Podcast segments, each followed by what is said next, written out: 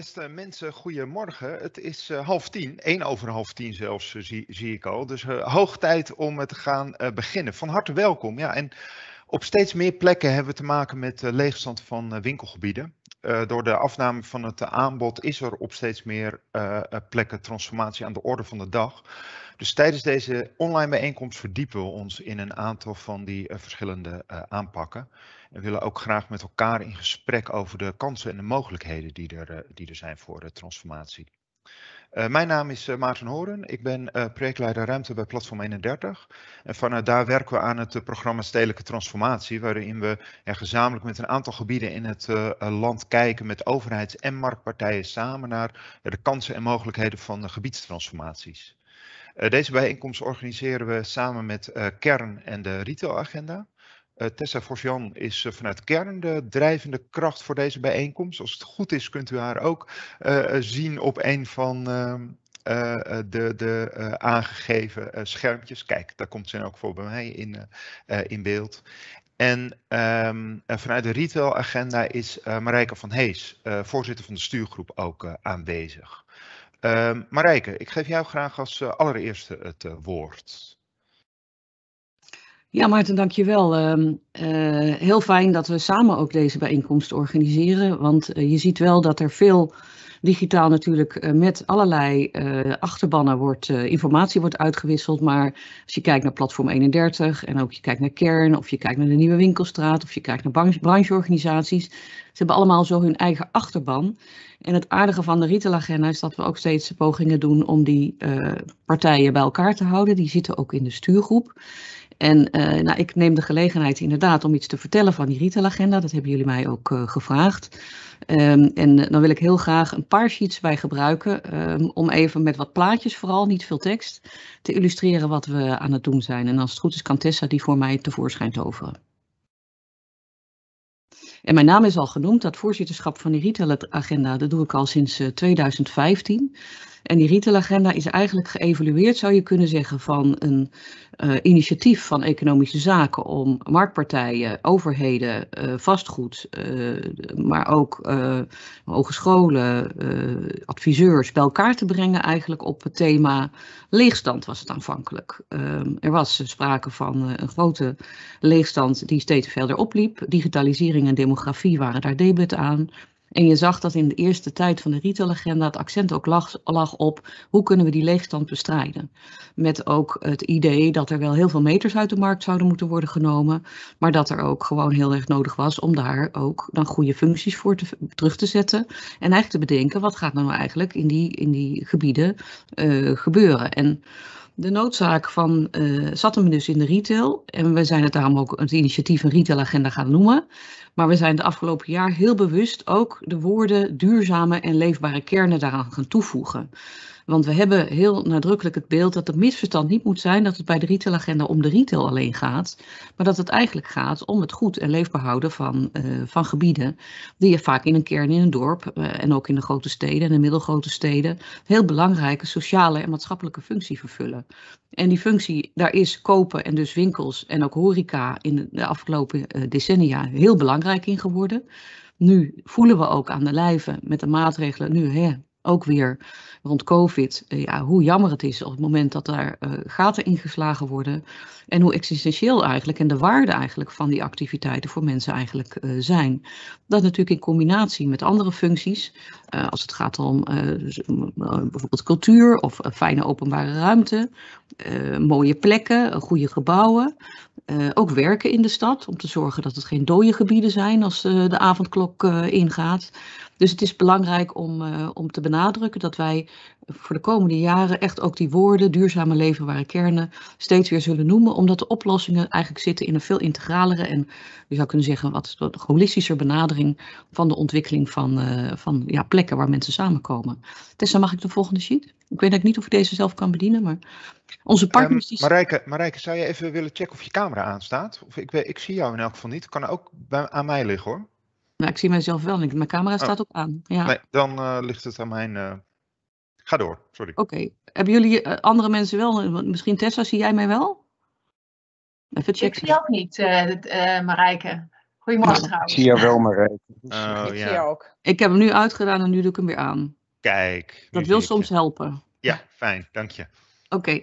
Ehm, als je kijkt naar het initiatief, dan zien jullie hier de sheet met alle partners van de retailagenda. Je hoeft niet allemaal langs te lopen, maar het laat ook zien dat het echt een publiek-private samenwerking eh, is. En dat we tegelijkertijd zien, en daarom is vandaag ook belangrijk, dat er gewoon hele natuurlijke netwerken zijn die je niet altijd met deze eh, benadering eh, vangt. Hè. Platform 31 bijvoorbeeld of Kern hebben gewoon hun eigen grote achterbannen. En het is super superbelangrijk dat we dus ook onder de titel van die deelnemers, partners van de retailagenda ook af en toe zaken eh, organiseren. Die juist via die route dan ook bij hun achterban eh, terechtkomt. Mag ik de volgende, Tessa? Kan je mij anders ook laten besturen? Dat, oh nee, dat kan denk ik niet nu. Goed, de visie van de retailagenda eh, is dus gericht op het, de veranderingen die ook in binnensteden en kernen eigenlijk aan de gang zijn. Maar die willen we graag versnellen, zodat er minder, je zou kunnen zeggen, verelending plaatsvindt. Eh, en het eh, uiteindelijk ook ervoor zorgt dat die gebieden toekomstbestendig worden. We doen dat met private en publieke partijen. En we proberen daar dus ook zeker mee bij te dragen aan de vitaliteit van de retail. Want het kan natuurlijk niet zijn dat we die teloor laten gaan. Dus dat zit zeker ook in onze missie alsnog eh, altijd wel weer ook genoemd. Mag ik de volgende? We hebben het afgelopen jaar, sinds eh, eigenlijk eh, het voorjaar, gewerkt aan, eh, aan die visie op hoe moeten we dat nou doen, die, die, die retailagenda ook stroomlijnen. Want we zijn een netwerkorganisatie, maar je kunt natuurlijk ook niet je met alles bemoeien en ook alle kennis die er is, willen we heel graag laten rondgaan. Want dat zien we als een hele belangrijke functie, dat we eigenlijk uit die netwerken acties halen, maar ook de kennis en de goede voorbeelden heel goed met elkaar delen. En toen hebben we tegen elkaar gezegd, laten we dat dan doen in een aantal eh, centrale deelprogramma's, zou je het inmiddels kunnen noemen. Eh, er is een deelprogramma geformuleerd op transformatie, een deelprogramma op human capital en een deelprogramma op innovatie en digitalisering. En die hangen ook nog met elkaar samen. En daar speelt ook nog doorheen, en dat zien jullie met die grote, wat vage eh, kring door die drie bollen, want elke bol staat voor een van die deelprogramma's. En dat gaat om duurzaamheid en circulariteit. Het is natuurlijk belangrijk dat wij eh, vanuit de veranderopgaven die er liggen, ook de maatschappelijke opdracht die er is om te verduurzamen en daar digitalisering bij te benutten, maar ook echt te zorgen dat we werken aan circulariteit in de, in de, in de gebruik van grondstoffen. Uh, nadrukkelijk ook niet vergeten dat die dynamiek er ook nog eens een keer dwars doorheen uh, loopt. En als je dan naar deze plaatplaat kijkt, dan zie je links een heel klein bolletje. En dat is eigenlijk het bolletje wat we niet willen. Dat is de spookstad. Dat is wat we denken dat er gebeurt als we onvoldoende samenwerken aan die transformatie. En er eigenlijk gewoon onvoldoende maatschappelijke aandacht voor is. En we hebben om die reden ook uh, tegen elkaar gezegd, dat maken we heel klein. Want we zijn al gewend om de afgelopen zeven jaar te werken aan die transformatie en aan die digitalisering en aan die human capital agenda. Alleen we moeten hem wellicht ook door de omstandigheden nog steviger gaan neerzetten. En zorgen dat hij in die samenwerking, dus ook echt uh, de meerwaarde van de samenwerking in de uitkomsten die er zijn, uh, naar voren komt. Nou, wat hebben we dan voor de komende tijd op onze agenda uh, staan? Nou, als je kijkt naar die digitalisering en innovatie, dan is het super belangrijk dat wij zien dat er heel veel mooie pilots zijn geweest. Ook in de innovatielabs, waar we als uh, retailagenda ook aan hebben gewerkt, is er geëxperimenteerd met hoe werken MKB'ers nou met digitalisering. En uh, we hebben eigenlijk voor de komende tijd gezegd, daar willen we mee doorgaan. Maar we willen ook nog beter leren wat als het ware de rode, rode draad erachter is. Hoe kan die waarde van die digitalisering nou zo benut worden dat het eigenlijk ook voor consumenten en uh, retailers zelf zichtbaar wordt welke transformatie dat eigenlijk oplevert in de communicatie onderling. Welke mogelijkheden zijn er eigenlijk om dat nog verder te verbeteren? Uh, wat heeft dat voor effect voor businessmodellen?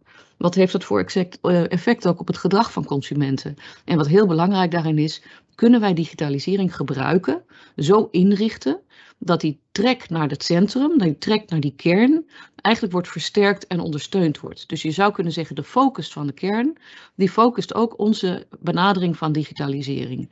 Dat is voor de komende tijd een heel belangrijke uh, insteek, uh, want we weten dat mensen natuurlijk heel veel uh, naar internet kijken. Ja, en als je dan gaat bestellen, dan is het natuurlijk super fijn als je dat doet in relatie tot de winkels die in jouw buurt zitten. en en in relatie tot misschien ook wel de waarde die jij toekent aan dat centrum van jouw kern waar jij dicht, dichtbij zit. Dus belangrijk is dat daar dan functionaliteit voor moet komen die dat interessant maakt voor die consument. En wij zijn van mening dat we die nu maar heel ten dele hebben. Het is veel gedoe en gezoek.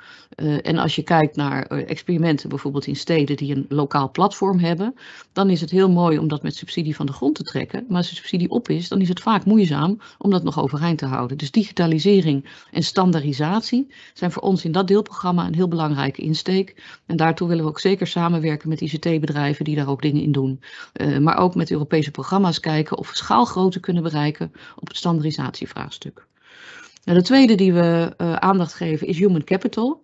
Kijk, je kunt heel veel transformatievraagstukken zien in fysieke zin, maar in economische en sociale zin is dat natuurlijk ook aan de gang. Uh, de medewerkers kunnen een hele andere rol spelen als ze goed zijn opgeleid en de, skills, de 21st century, skills hebben, dan, uh, dan als je dat in een klassieke uh, retail perspectief zit, van bij wijze van spreken opleidingen zoals die al heel lang fungerend zijn. Dus de moderniseren van die opleidingen, zowel voor de medewerkers, maar ook e-learnings voor de huidige ondernemers. Dat is een heel belangrijke insteek. Daarvoor zijn brancheorganisaties natuurlijk ook superbelangrijk. Die hun achterbannen kunnen uh, bedienen. En uh, met thuiswinkel.org is er ook heel hard gewerkt aan e-learnings uh, om dat te ondersteunen. En de komende jaren zal dat doorgaan. Met ook aandacht voor, je zou kunnen zeggen, de bewegingen ook van een leven lang leren. Niet iedereen die opgeleid wordt om te beginnen in de retail, blijft dat het hele leven doen. Dus hoe kun je ook zorgen voor goede ondersteuning met portfolio's, met goede uh, ondersteuning ook vanuit de samenwerking met de arbeidsmarktregio's, om uh, de werkgelegenheidsontwikkelingen die er zijn, de kansen die dat betekent voor mensen in deze sector, waar ongeveer nog 800.000 mensen toch nog steeds werk aan hebben, direct en indirect, je toch zorgt dat de kwaliteit van die arbeidsmarkt verder verbetert. Dat het voor jongeren daardoor ook aantrekkelijk is om erin te stappen. En we uh, uiteindelijk ook zorgen dat, uh, dat die modernisering als gevolg van digitalisering en vanuit ander consumentengedrag, dat dat zich doorvertaalt in de manier waarop eigenlijk de arbeidsmarkt en ook het de, de ondernemerschap zich ontwikkelt in de Human Capital Agenda, ondersteunen we dat. Nou, en last but not least, en dan kom ik natuurlijk op de, voor deze sessie, de, pres, de pièce de résistance, is het vraagstuk van transformatie. Uh, we hebben al veel gedaan de afgelopen jaren. De awareness dat er een vraagstuk ligt waar publieke en private partijen aan uh, moeten werken, die is natuurlijk groot uh, en steeds groter geworden. Dat was bij de start van de retailagenda echt anders. Uh, toen moesten we echt nog langs de wethouders gaan om te vragen om aandacht hiervoor uh, te hebben. Dat hebben we toen ondersteund ook met het maken van uh, retail deals. Maar nu voor de komende jaren zien we heel veel mogelijkheden in het samenwerken. Enerzijds met een cluster aan, aan gemeenten die samen met Rotterdam een transformatietafel zijn gestart. Die nog veel intensiever van elkaar willen leren wat nou werkt en wat, wat niet werkt.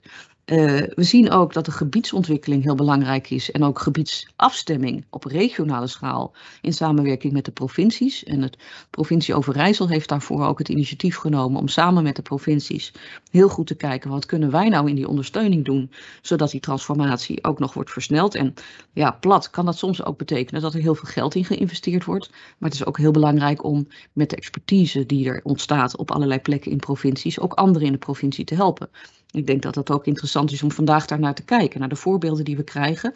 Wat kunnen we eruit leren? En is er een dialoog ook mogelijk dat de provincies helpt om die kennis ook verder uh, te trekken?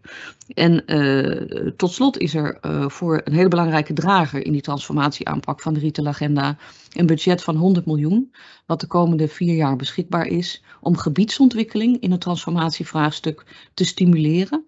En daarbij ook uh, inzet te plegen van uh, dat geld van het Rijk, waar EZK nu voor bezig is om daar uh, de organisatie voor op te zetten om dat uit te kunnen gaan geven. En als het goed is, gaat het begin volgend jaar ook van start.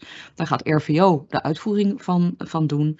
En we hebben heel nadrukkelijk ook met, de, met economische zaken afgesproken dat de samenwerking met andere ministeries, bijvoorbeeld met Binnenlandse Zaken, op het gebied van die transformatieopgave, dat die ook echt wordt gezocht. En dat het dus niet gaat om een retailvraagstuk, maar dat het eigenlijk gaat om het versterken van die kernen. Met wonen, met werken, met andere functies.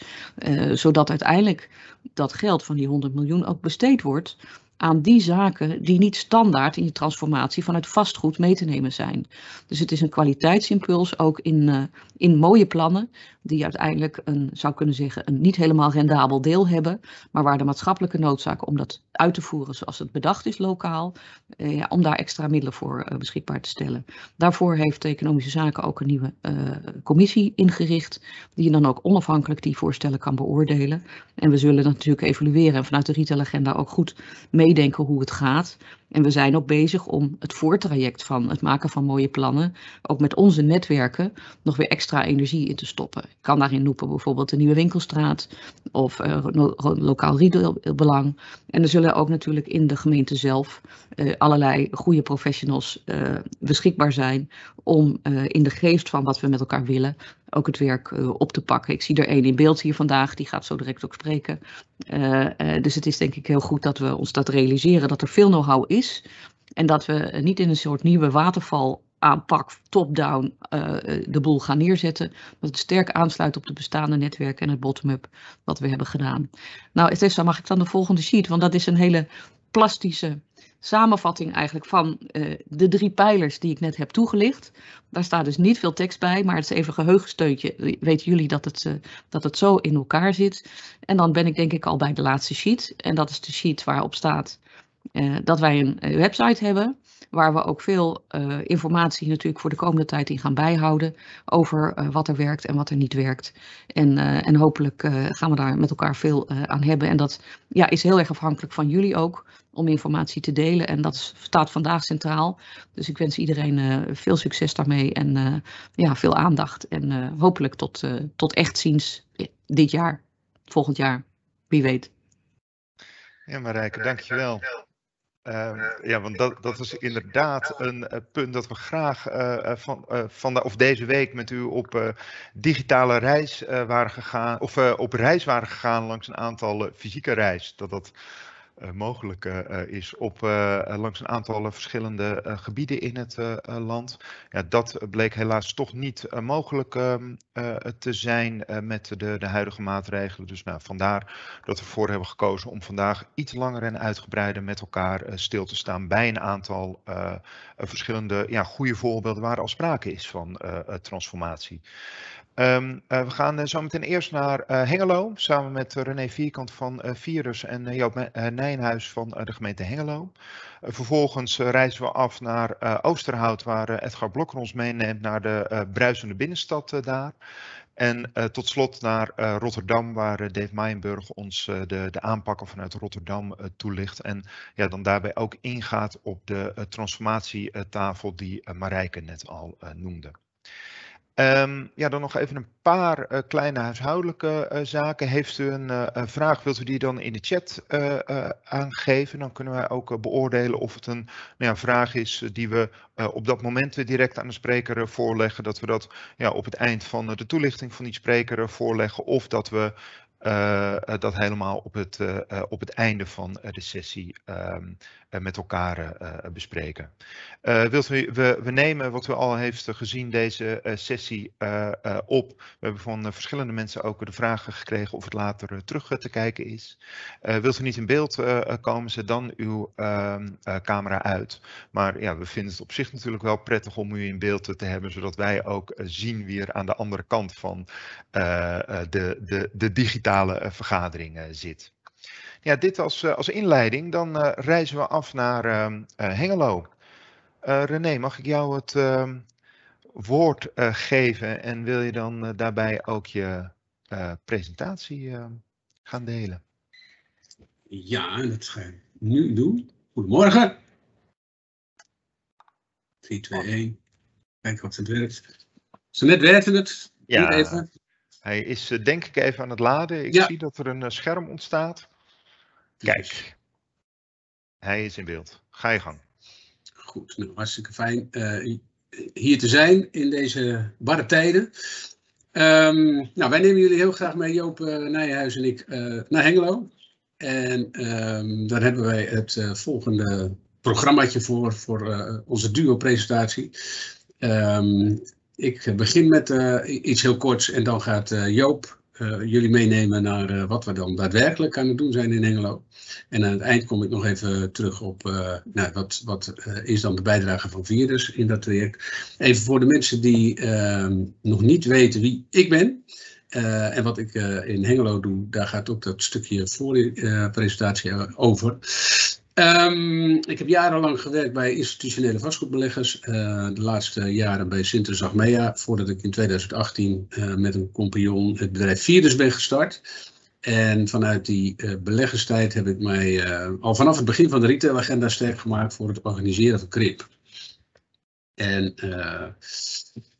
nou, heeft er al even iets over gezegd. Uh, toen de tijd was het die idee toen, van heel veel mensen nog van, goh, het komt wel weer goed. Um, terwijl wij eigenlijk uh, al wel zagen van, ja, de, hoogtepunt is voorbij en de retailers staan niet meer in de rij voor alle nieuwe ontwikkelingen.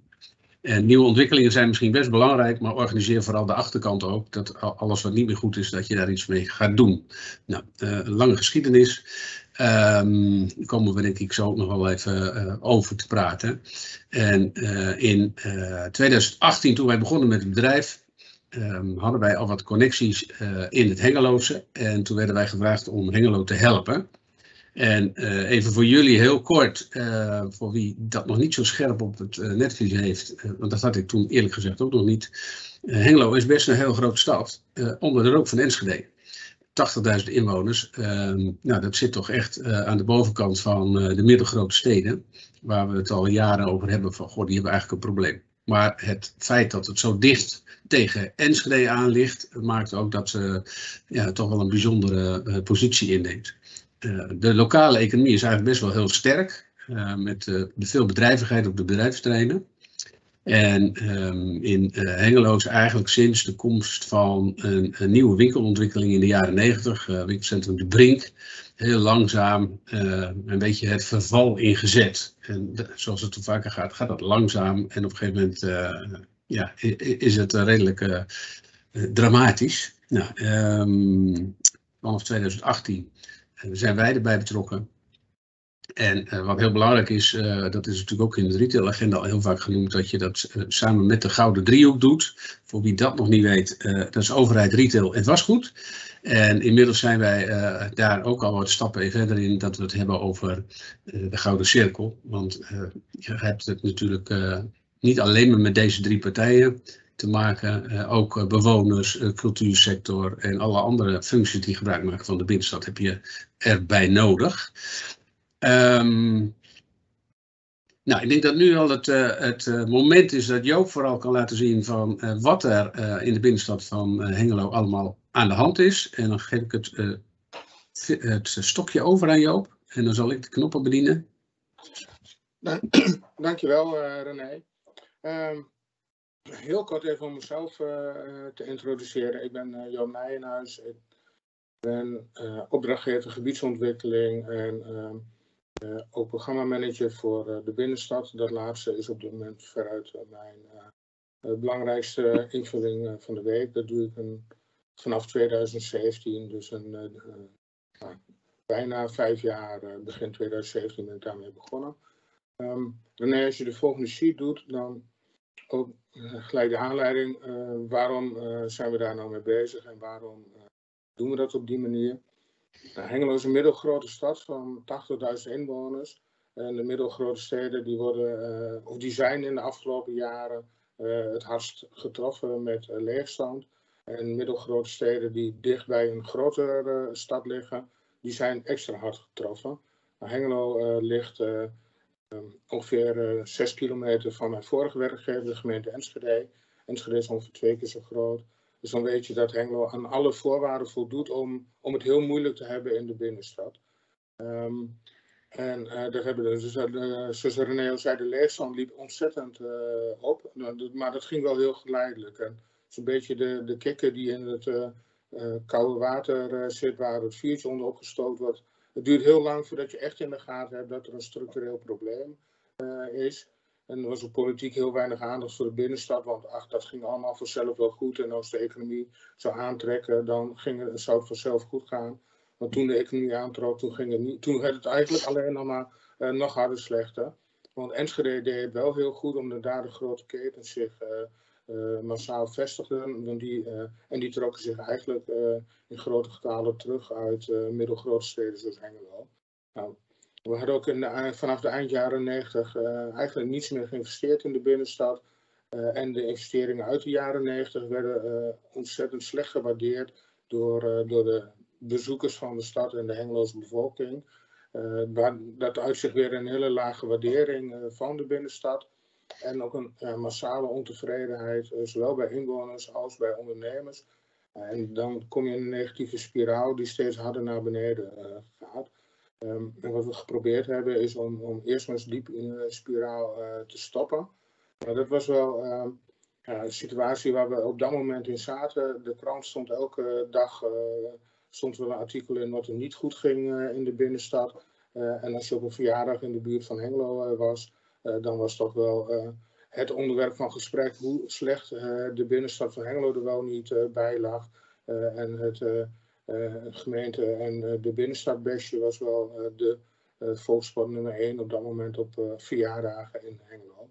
Nou, een beter moment om, om in te stappen en om daar wat aan te gaan doen is er niet. Eh, René, als je de volgende sheet eh, kunt doen. Ehm, en eh, op een gegeven moment hebben we ook binnen de gemeente geconstateerd van, ah, we kunnen het niet zelf, maar ook binnen de gemeente is er niemand die integraal verantwoordelijk is voor die binnenstad. Iedereen is met zijn eigen dingetje bezig. En als we echt wat van die binnenstad willen maken, we willen de problemen daar serieus nemen. En nou, dat sluit wel heel erg mooi aan op ook de inleiding die Marijke van Hees gaf.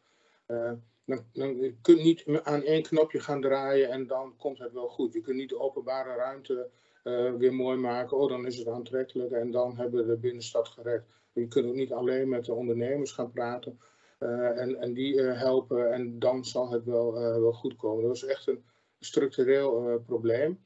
Maar dat kun je als gemeente niet zelf doen, maar je moet in ieder geval als gemeente het integraal gaan aanpakken. Nou, daar hebben wij een, een eh, programmaorganisatie voor gezet. En daar mag ik leiding uh, aan geven.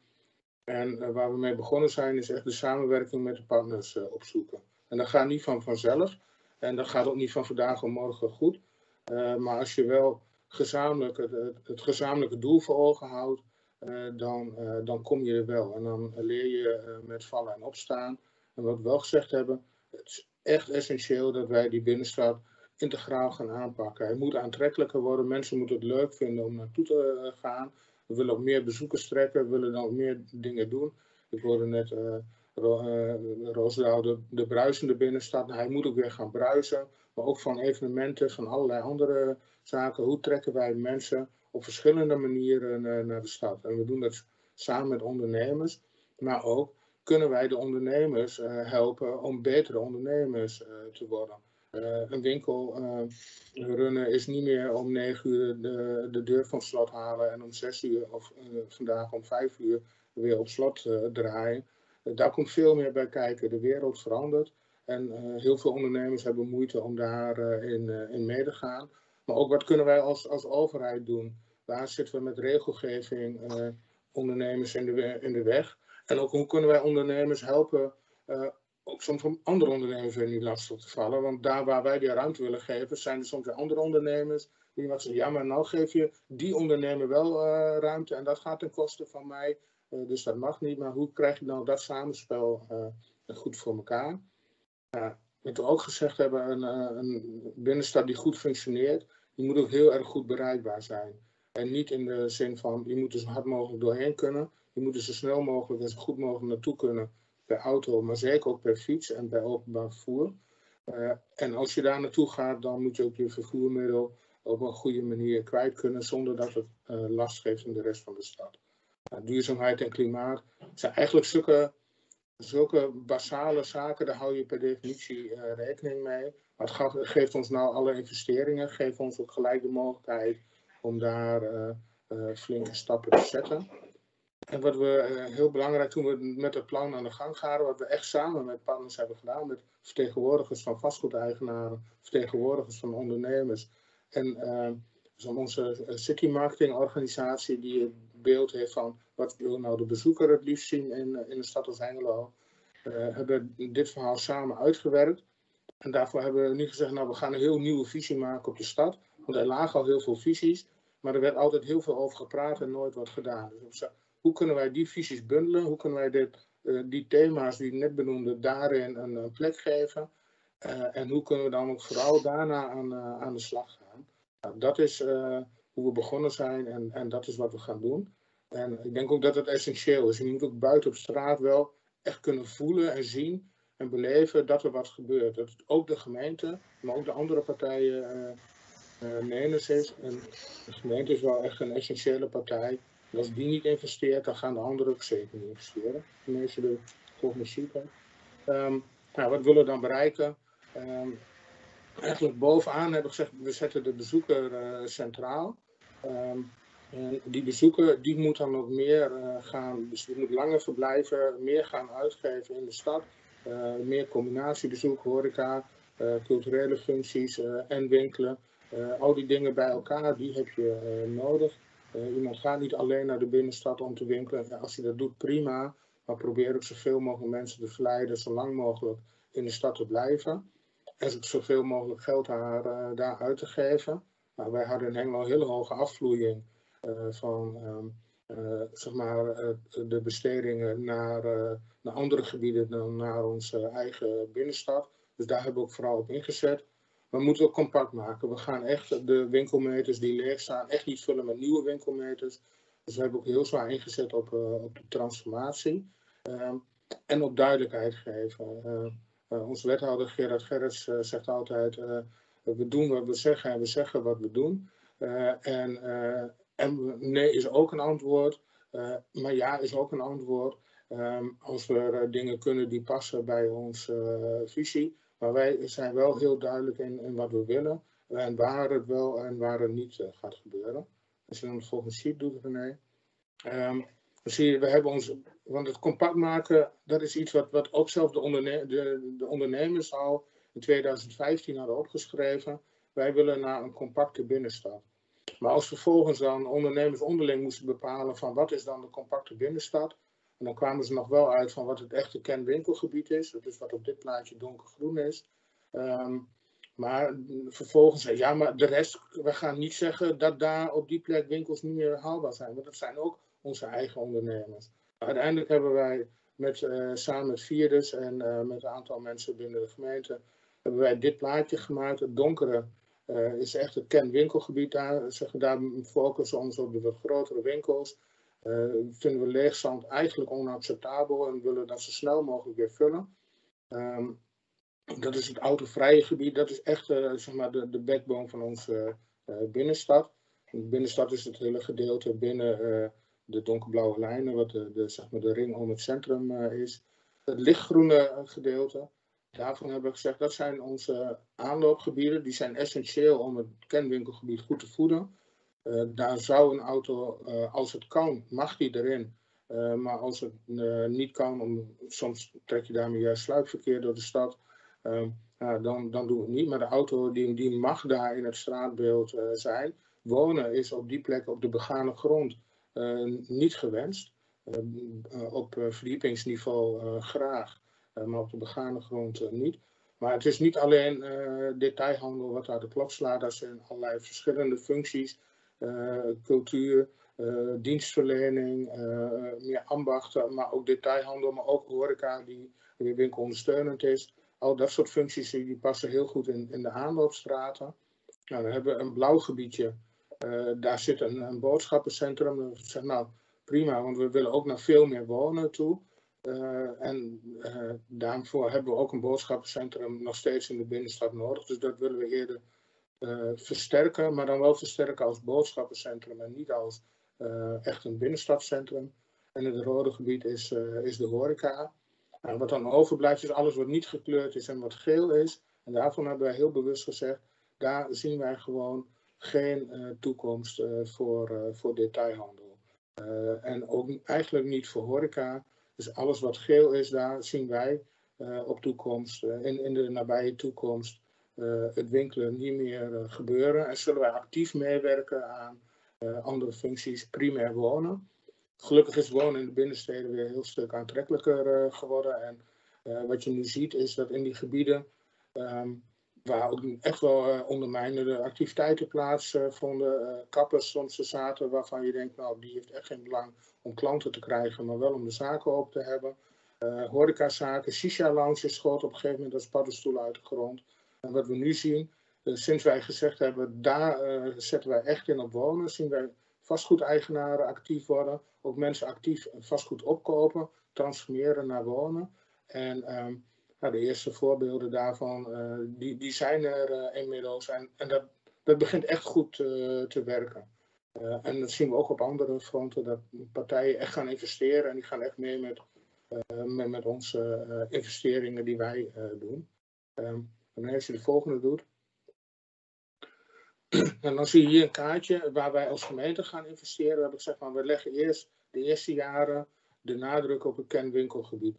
Als wij zeggen, dit is ons kenwinkelgebied, dan willen wij ook dat dat kenwinkelgebied eruit ziet op een manier, A, dat je beleeft, van god, dat je, ik ben in het, uh, in het centrum van, uh, van de stad, ik ben echt in de, in de binnenstad. Maar het moet ook een hele aantrekkelijke uitstraling krijgen, waarbij je uitgenodigd wordt om daar langer te verblijven, de, de, de achtjes en de rondjes kunt lopen die, die je graag wilt lopen. Um, en um, nou, daar hadden we nog wel uh, een aantal flinke opgaven te doen. We zijn begonnen met onze hoofdwinkelstraat. Uh, uh, nieuw in te geven, daar volgen zo wel plaatjes van. we zijn bezig om, dus een heel, in de jaren tachtig een heel lelijk winkelcentrum, wat nu helemaal niet meer functioneert, tegen de Lambertusbasiliek aangebouwd. dat zijn enorme basilieken in het hartje van onze stad. eigenlijk is dat het zwaartepunt van, het middelpunt van onze binnenstad. Nou, die, basiliek uh, die blijft uiteraard staan, dat is fantastisch mooi gebouw. Maar de Hengelo's willen heel graag het rondje om de kerk weer kunnen lopen. En dat uh, uh, wordt fysiek onmogelijk gemaakt door, door het hele afstandse winkelcentrum. Dat gaan we samen met de HMO, is het aangekocht en gaan we dat slopen. En we gaan dat hele gebied herinrichten. nou, dat is alles wat je binnen de groene lijntjes ziet. binnen de blauwe lijnen hebben we een project Lange Wemen. Heel lang was dat het enige project in de gemeente wat we zouden doen. En dat was gericht op heel veel uh, winkelmeters toevoegen. Nou, met de kennis van nu en eigenlijk met de kennis van de afgelopen 5, 6, 7 jaar weten we al dat winkelmeters toevoegen in de stad als Hengelo echt een heel slecht idee uh, is. En wat we daar nou gedaan hebben het afgelopen jaar, hebben we gezegd, er is een bestaand winkelcentrum.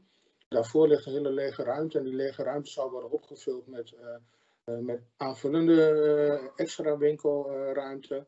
Ehm, en eh, nu hebben we gezegd van als wij nou als gemeente het samen met de HMO het winkelcentrum gaan kopen, met het oogmerk om het te slopen. Ehm, en we bouwen het winkelcentrum, het nieuwe wat we wel willen bouwen en daarmee ook de binnenstad afronden.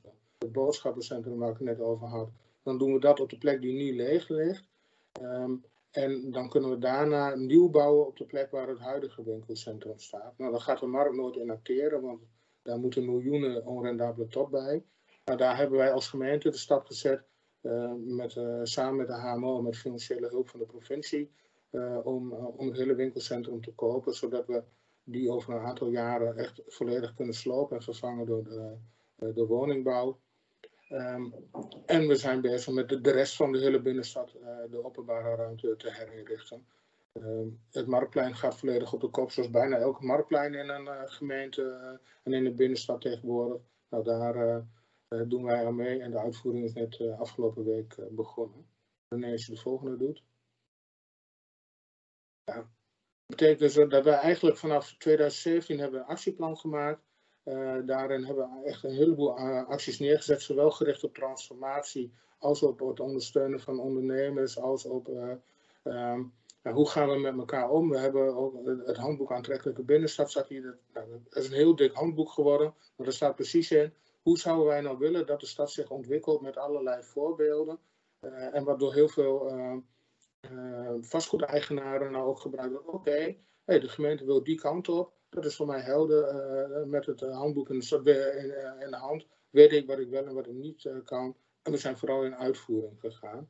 Nou, ik zal wat plaatjes laten zien en daarna eens wat conclusies trekken. En als je de plaatjes even doorscrollt. dit is de nieuwe Enschedeze straat. Onze, eigenlijk de, de backbone van onze binnenstad. Um, de inrichting die je nu ziet hier, die wordt heel erg gewaardeerd. En dit was een, eigenlijk een racebaan voor fietsen, die zo hard mogelijk door de stad konden. Ehm, volledig in grijs uitgevoerd, zonder enige verblijfskwaliteit. Um, en wat, je, wat, we gedaan hebben, we hebben weer één vloer ervan gemaakt waar de fietser te gast is. Zeker welkom, nou, dat zie je, die krijgen we ook niet weg, willen we ook niet weg hebben. Uh, maar het is niet meer het domein van de fietser om zo hard mogelijk uh, van, uh, van Bonn naar Enschede te fietsen.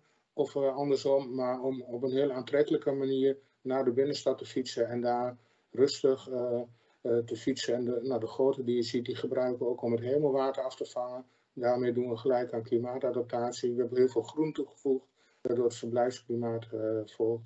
Als je het volgende plaatje nou, we hebben de, dit is de basiliek waar ik het over had. Dit is nog de impression, maar in werkelijkheid is het minstens zo mooi. Um, die is helemaal uitgelicht. Het was in de winterperiode altijd een hele grote donkere vlek in onze stad. Uh, terwijl het een prachtig gebouw is. Ook, en we hebben hem zowel van binnen als van buiten aangelicht. En dan van binnen zodanig dat je de gebrandschilderde ramen heel mooi uh, beleeft. Dus in de avonduren en helaas is de stad vanaf vijf uur nu knap rustig. Maar dit is echt een, een pareltje in, in de binnenstad geworden waarmee de, stad in zijn totaliteit aantrekkelijker wordt. de volgende graaf. Dit is het plein voor het stadhuis. op de achtergrond ziet u het winkelcentrum wat wij als gemeente hebben aangekocht en wat gesloopt gaat worden en de open ruimte daarvoor. daarmee trekken we de, ronden we eigenlijk de binnenstad af. Daar komt een nieuwe winkelcentrum met, met een supermarkt en het boodschappencentrum voor de binnenstad. Volgende René. Ja, dit is het, eh, het, plein, het marktplein, wat nu een heel groot, saai, grijs plein is. Waar uh, twee dagen in de week wat gebeurt, omdat er dan markt wordt gehouden. En vijf dagen in de week echt een, echt een obstakel is. Ook een belemmering om nog van de ene kant naar de andere kant te lopen. We zien ook de zuidkant van de binnenstad daardoor afsterven. Ja, daar gaan we, dit is een nieuwe inrichting die nu in uitvoering is. Volgende. Nog een volgende René. En dit is het plein achter de kerk. Daar waar je achter de kerk het groen ziet, eigenlijk is dat nu bijna volledig volgebouwd met een jaren tachtig niet meer functionerend winkelcentrum dat grotendeels leeg staat. Die wordt dus volledig gesloopt. Daar voegen we groen en uh, verblijfsruimte toe, waarmee je eigenlijk een soort van uh, rustpunt creëert in de, in de binnenstad.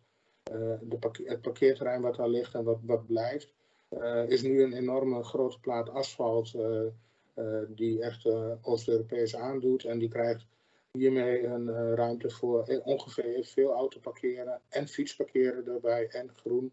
En daarmee ook weer klimaatadaptiviteit. De volgende vraag. Ja, zo ziet hij er dan uit volgende. Uh, dit is ons stadhuis wat eindelijk weer teruggekomen is in de binnenstad sinds, sinds heel veel jaar. Maar ja, helaas, het waren zes fantastische weken. We dachten van, goh, we gaan 1 februari open, 2020. En vanaf dat moment stromen de ambtenaren ook de binnenstad in. Nou, dat gebeurde ook. En zes weken later was het weer grotendeels leeg. Ehm, dus de echte revenue hebben we er nog niet van kunnen plukken. Maar dat gaat zeker nog gebeuren volgende graag naar. Dan zien we ook, dit is het plan Lange Wemen waar ik het eerder over had. Wat we daarin zien, er is dus ontzettend veel toevoegen van wonen. Uh, want als we het hebben over de transformatie, is dat wel voor ons het sleutelwoord geweest om. Um, en daar zijn we heel blij mee met, de, met de, de woningmarkt hoe die nu is. want wij kunnen ontzettend veel wonen toevoegen aan onze binnenstad. Ik denk, als we de uitvoering van alle plannen klaar hebben, dan hebben wij in of direct tegen de binnenstad aan, hebben wij tussen de 800 en 1000 woningen toegevoegd. Op een schaal van Hengelo met uh, eh, 80.000 inwoners uh, is dat echt heel veel. We zien ook al dat de afgelopen twee jaar is het aantal inwoners van de binnenstad al, al met 20% gestegen. En nou, hij gaat dus, het totaal aantal inwoners in de binnenstad zal echt meer dan gaan, gaan verdubbelen in de komende tien jaar. Volgende René. Dit zijn voorbeelden van de woonprojecten. Uh, dit is direct aan de rand van de binnenstad. En de volgende uh, is een oude school die uh, tegen de binnenstad aanstaat, die niet meer nodig was. en deze is ook getransformeerd, waarbij we ook gezegd hebben, het park was echt, lag er heel afstands bij, had geen enkele functie meer voor de binnenstad. Dus als we het park opknappen en het gebouw omzetten naar wonen, dan slaan we twee vliegen in één klap. We creëren in de binnenstad, zeker met het enorme toevoegen van het wonen, creëren een extra grote tuin in de binnenstad. Uh, een tweede tuin, we hebben nog een ander park in de binnenstad, maar dit is een, uh, een tweede tuin in de binnenstad. En we uh, hebben een heel mooi oud schoolgebouw getransformeerd naar wonen. De volgende is het oude V&D-pand wat u hier ziet. ook dat is de manier om leegstand te verminderen en te transformeren. Dit pand is opgekocht door een projectontwikkelaar. Uh, en zal komend jaar uh, transformeren naar dit plan. Bijna helemaal wonen, ook op de begane grond. En van 6.500 vierkante meter leegstaande winkelruimte gaat dit naar 90 appartementen en iets van 250 tot 300 vierkante meter publieke functies aan het nieuwe plein. Volgens mij zijn we door de plaatjes heen. De, hier zie je hoe, hoe een straat zich ontwikkelt. En waar we nu naartoe gaan uh, is om van uh, deze straat een woonstraat te maken. Um, en dat is volop in uitvoering. En dat doen we heel mooi samen met, met private investeerders. Die kopen panden op, die transformeren ze. Wij werken mee met de vergunningprocedure en met afwijken van het bestemmingsplan. En we gaan op korte termijn de straat herinrichten, zodat die van een heel breed leeg winkelstraatprofiel naar een veel aantrekkelijker woonstraat uh, wordt omgebouwd. En de volgende. Nou, wat betekent dit nu voor ons? We hebben de neerwaartse spiraal weer te stoppen.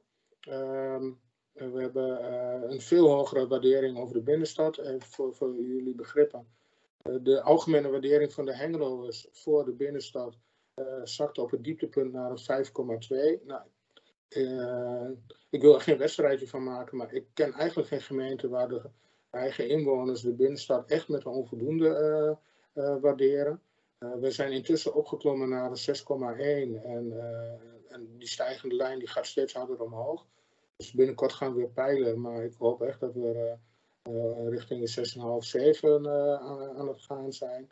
Um, we krijgen meer inwoners in de, in de binnenstad. En dat snijdt natuurlijk ook aan twee kanten. We krijgen ook veel meer reuring in de stad. Um, en wat heel mooi is, voor, voor het tweede jaar op rij is de leegstand gedaald. En uh, dat, dat, zit op twee uh, vlakken. Um, we uh, halen gewoon leegstaande panden weg, die transformeren naar wonen, waardoor op die manier leegstand verdwijnt. maar door alle investeringen en door hernieuwd geloof en hernieuwde trots over de binnenstad zien we ook dat we heel langzaam wat aantrekkelijker worden voor ondernemers om weer in Hengelo te gaan ondernemen. Dus het aantal winkelmeters wat in gebruik is, is ook licht toegenomen. Dus dat is op zich een, eh, een fantastische uh, trend. Um, en we zien nou echt massaal marktpartijen instappen van ja, uh, Hengelo heeft het dieptepunt gehaald of gehad. En, en wij kunnen weer gaan investeren.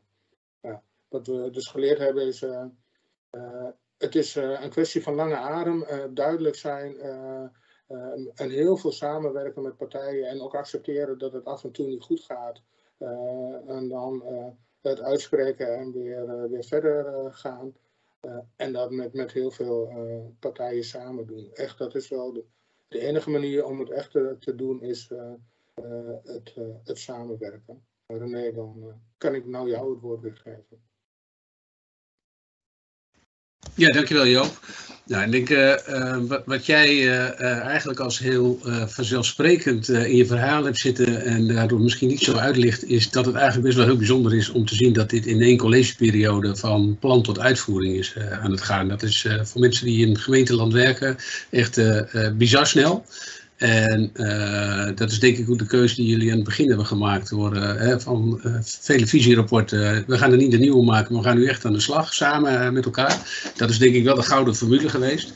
Um, en ja, ook het investeringsprogramma wat daaronder ligt hè, met serieus budget moet ook niet onvermeld blijven, want dat is ook nodig. Um, volgens mij ben ik eentje te ver doorgeschoten. Um, want wij zijn natuurlijk een tijdje betrokken bij dat hele programma. En ooit heeft Joop ons gevraagd van, goh, wij hebben een heel programma met allerlei pijlers. Maar wat wij merken is dat wij op het gebied van die landelijke retailers de verbinding zo slecht kunnen maken. En ik denk dat veel van jullie dat wel zullen herkennen, want dat zit vaak op afstand ergens op een hoofdkantoor en hebben een winkel. En wij zijn vooral bezig geweest om het verhaal van die retailers op te halen.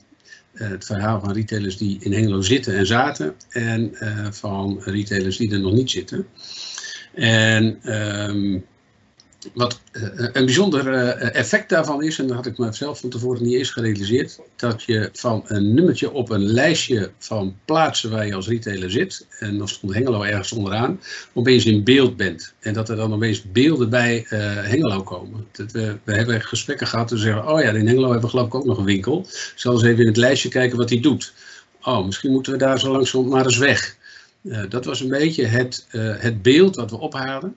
Um, maar tegelijkertijd is dus ook uh, frappant om te merken dat een gesprek over uh, de stad waar een retailer of deze landelijke retailers gevestigd zijn, tot op dat moment eigenlijk nog nooit zo structureel is gevoerd op het stadsniveau. En um, nou, zelf heb ik uh, veel met planmatig ontwikkelde winkelcentra gewerkt. En mijn compagnon heeft jarenlang van die winkelcentra voor heel veel beleggers beheerd. En uh, voor ons was dat eigenlijk een eye-opener, want dat is iets wat je in uh, één eigenarenwinkelcentra eigenlijk altijd doet om te zorgen dat het gevuld blijft. Maar op het niveau van de binnenstad, en Joop zei het al, was dat iets wat niemand eigenlijk tot zijn taak rekende. Dus uh, ja, als het dan goed gaat, dan is het fijn. En als het niet goed gaat, wie gaat er dan mee aan de slag? Dus dat, dat hebben wij, die handschoen hebben wij opgepakt. Jullie zagen net even die, de, de gebiedskleurtjes. Uh, wat wij daar nog uh, verder aan gedaan hebben, is die gebiedsprofielen op deelgebiedsniveau verder uh, geduid. ook gericht op welke consument komt daar nu en welke aanbod zit daar nu bij en hoe kan je dat gebiedsprofiel voor de consument versterken. Um, nou, daar komt al heel simpel de vraag, wie zit het beste waar? Dus bij welke uh, profiel pas je eigenlijk? Dat is ook een notie um, die opeens naar boven komt van, ja, waarom zit een retailer op een bepaalde plek in de binnenstad? Eigenlijk is dat ontstaan doordat iemand een witte vlekkenplan had voor zijn keten en op zoek was naar 300 meter in de binnenstad van Hengelo. En als er dan dus vrij kwam in een bepaald gebied dan, uh, en het de maat voldeed, dan ging men daar zitten. En uh, inmiddels is het besef steeds duidelijker geworden dat het er wel toe doet hoe de omgeving van jouw winkel eruit ziet, wie daar nog meer gevestigd zijn. Dus dat beeld hebben wij met die gebiedsprofielen neergezet en langs die lijn proberen wij die binnenstad ook daadwerkelijk te versterken. Dus de leegstand niet vullen zoals we dat vroeger wel deden, met een uithangbord ik heb 300 meter wie wil, maar echt gericht op zoek naar bijpassende retailers of retailformules die zo'n straat versterken. Nou, uh, daar komen allerlei acties uit voort uh, van het verplaatsen van retailers. Die, uh, en dat zie je nu ook wel um, spontaan ontstaan in een aantal steden in Nederland. Het, uh, retailers denken, ik, zat op een plek die wel aardig was, maar ik kan nu naar een plek die veel beter is. Nou, en wij begeleiden dat dus langs die lijnen van die gebiedsprofielen. En waar we nu mee bezig zijn, is ook heel nadrukkelijk het kralenrijgen. Een aantal van jullie zal dat herkennen. Um, ook zo'n winkelcentrum als De Brink, uh, wat ooit in de jaren 90 is neergezet, dat is door de projectontwikkelaar gevuld met het, uh, het aloude kralenrijgen. Uh, wij spreken dan met retailers van, wil jij in deze straat gaan zitten? Want retailer A, B en C, die gaan zo meteen ook komen. En ehm, nou, dit hele fenomeen, dat zetten wij in op een stuk in de binnenstad waar nu door de afgelopen jaren zo meer dan 50% van uh, de winkels in dat straatje leeg staat. En wij krijgen, en geen enkele makelaar uh, krijgt uh, op dit moment een retailer zo gek om in die leegstand te gaan zitten. Want die denkt, ja, dan moet ik in mijn eentje daar gaan zitten. Dus we hebben binnenkort het gesprek met een groot aantal retailers in Hengelo. van, als jullie dat nou eens met elkaar gaan doen.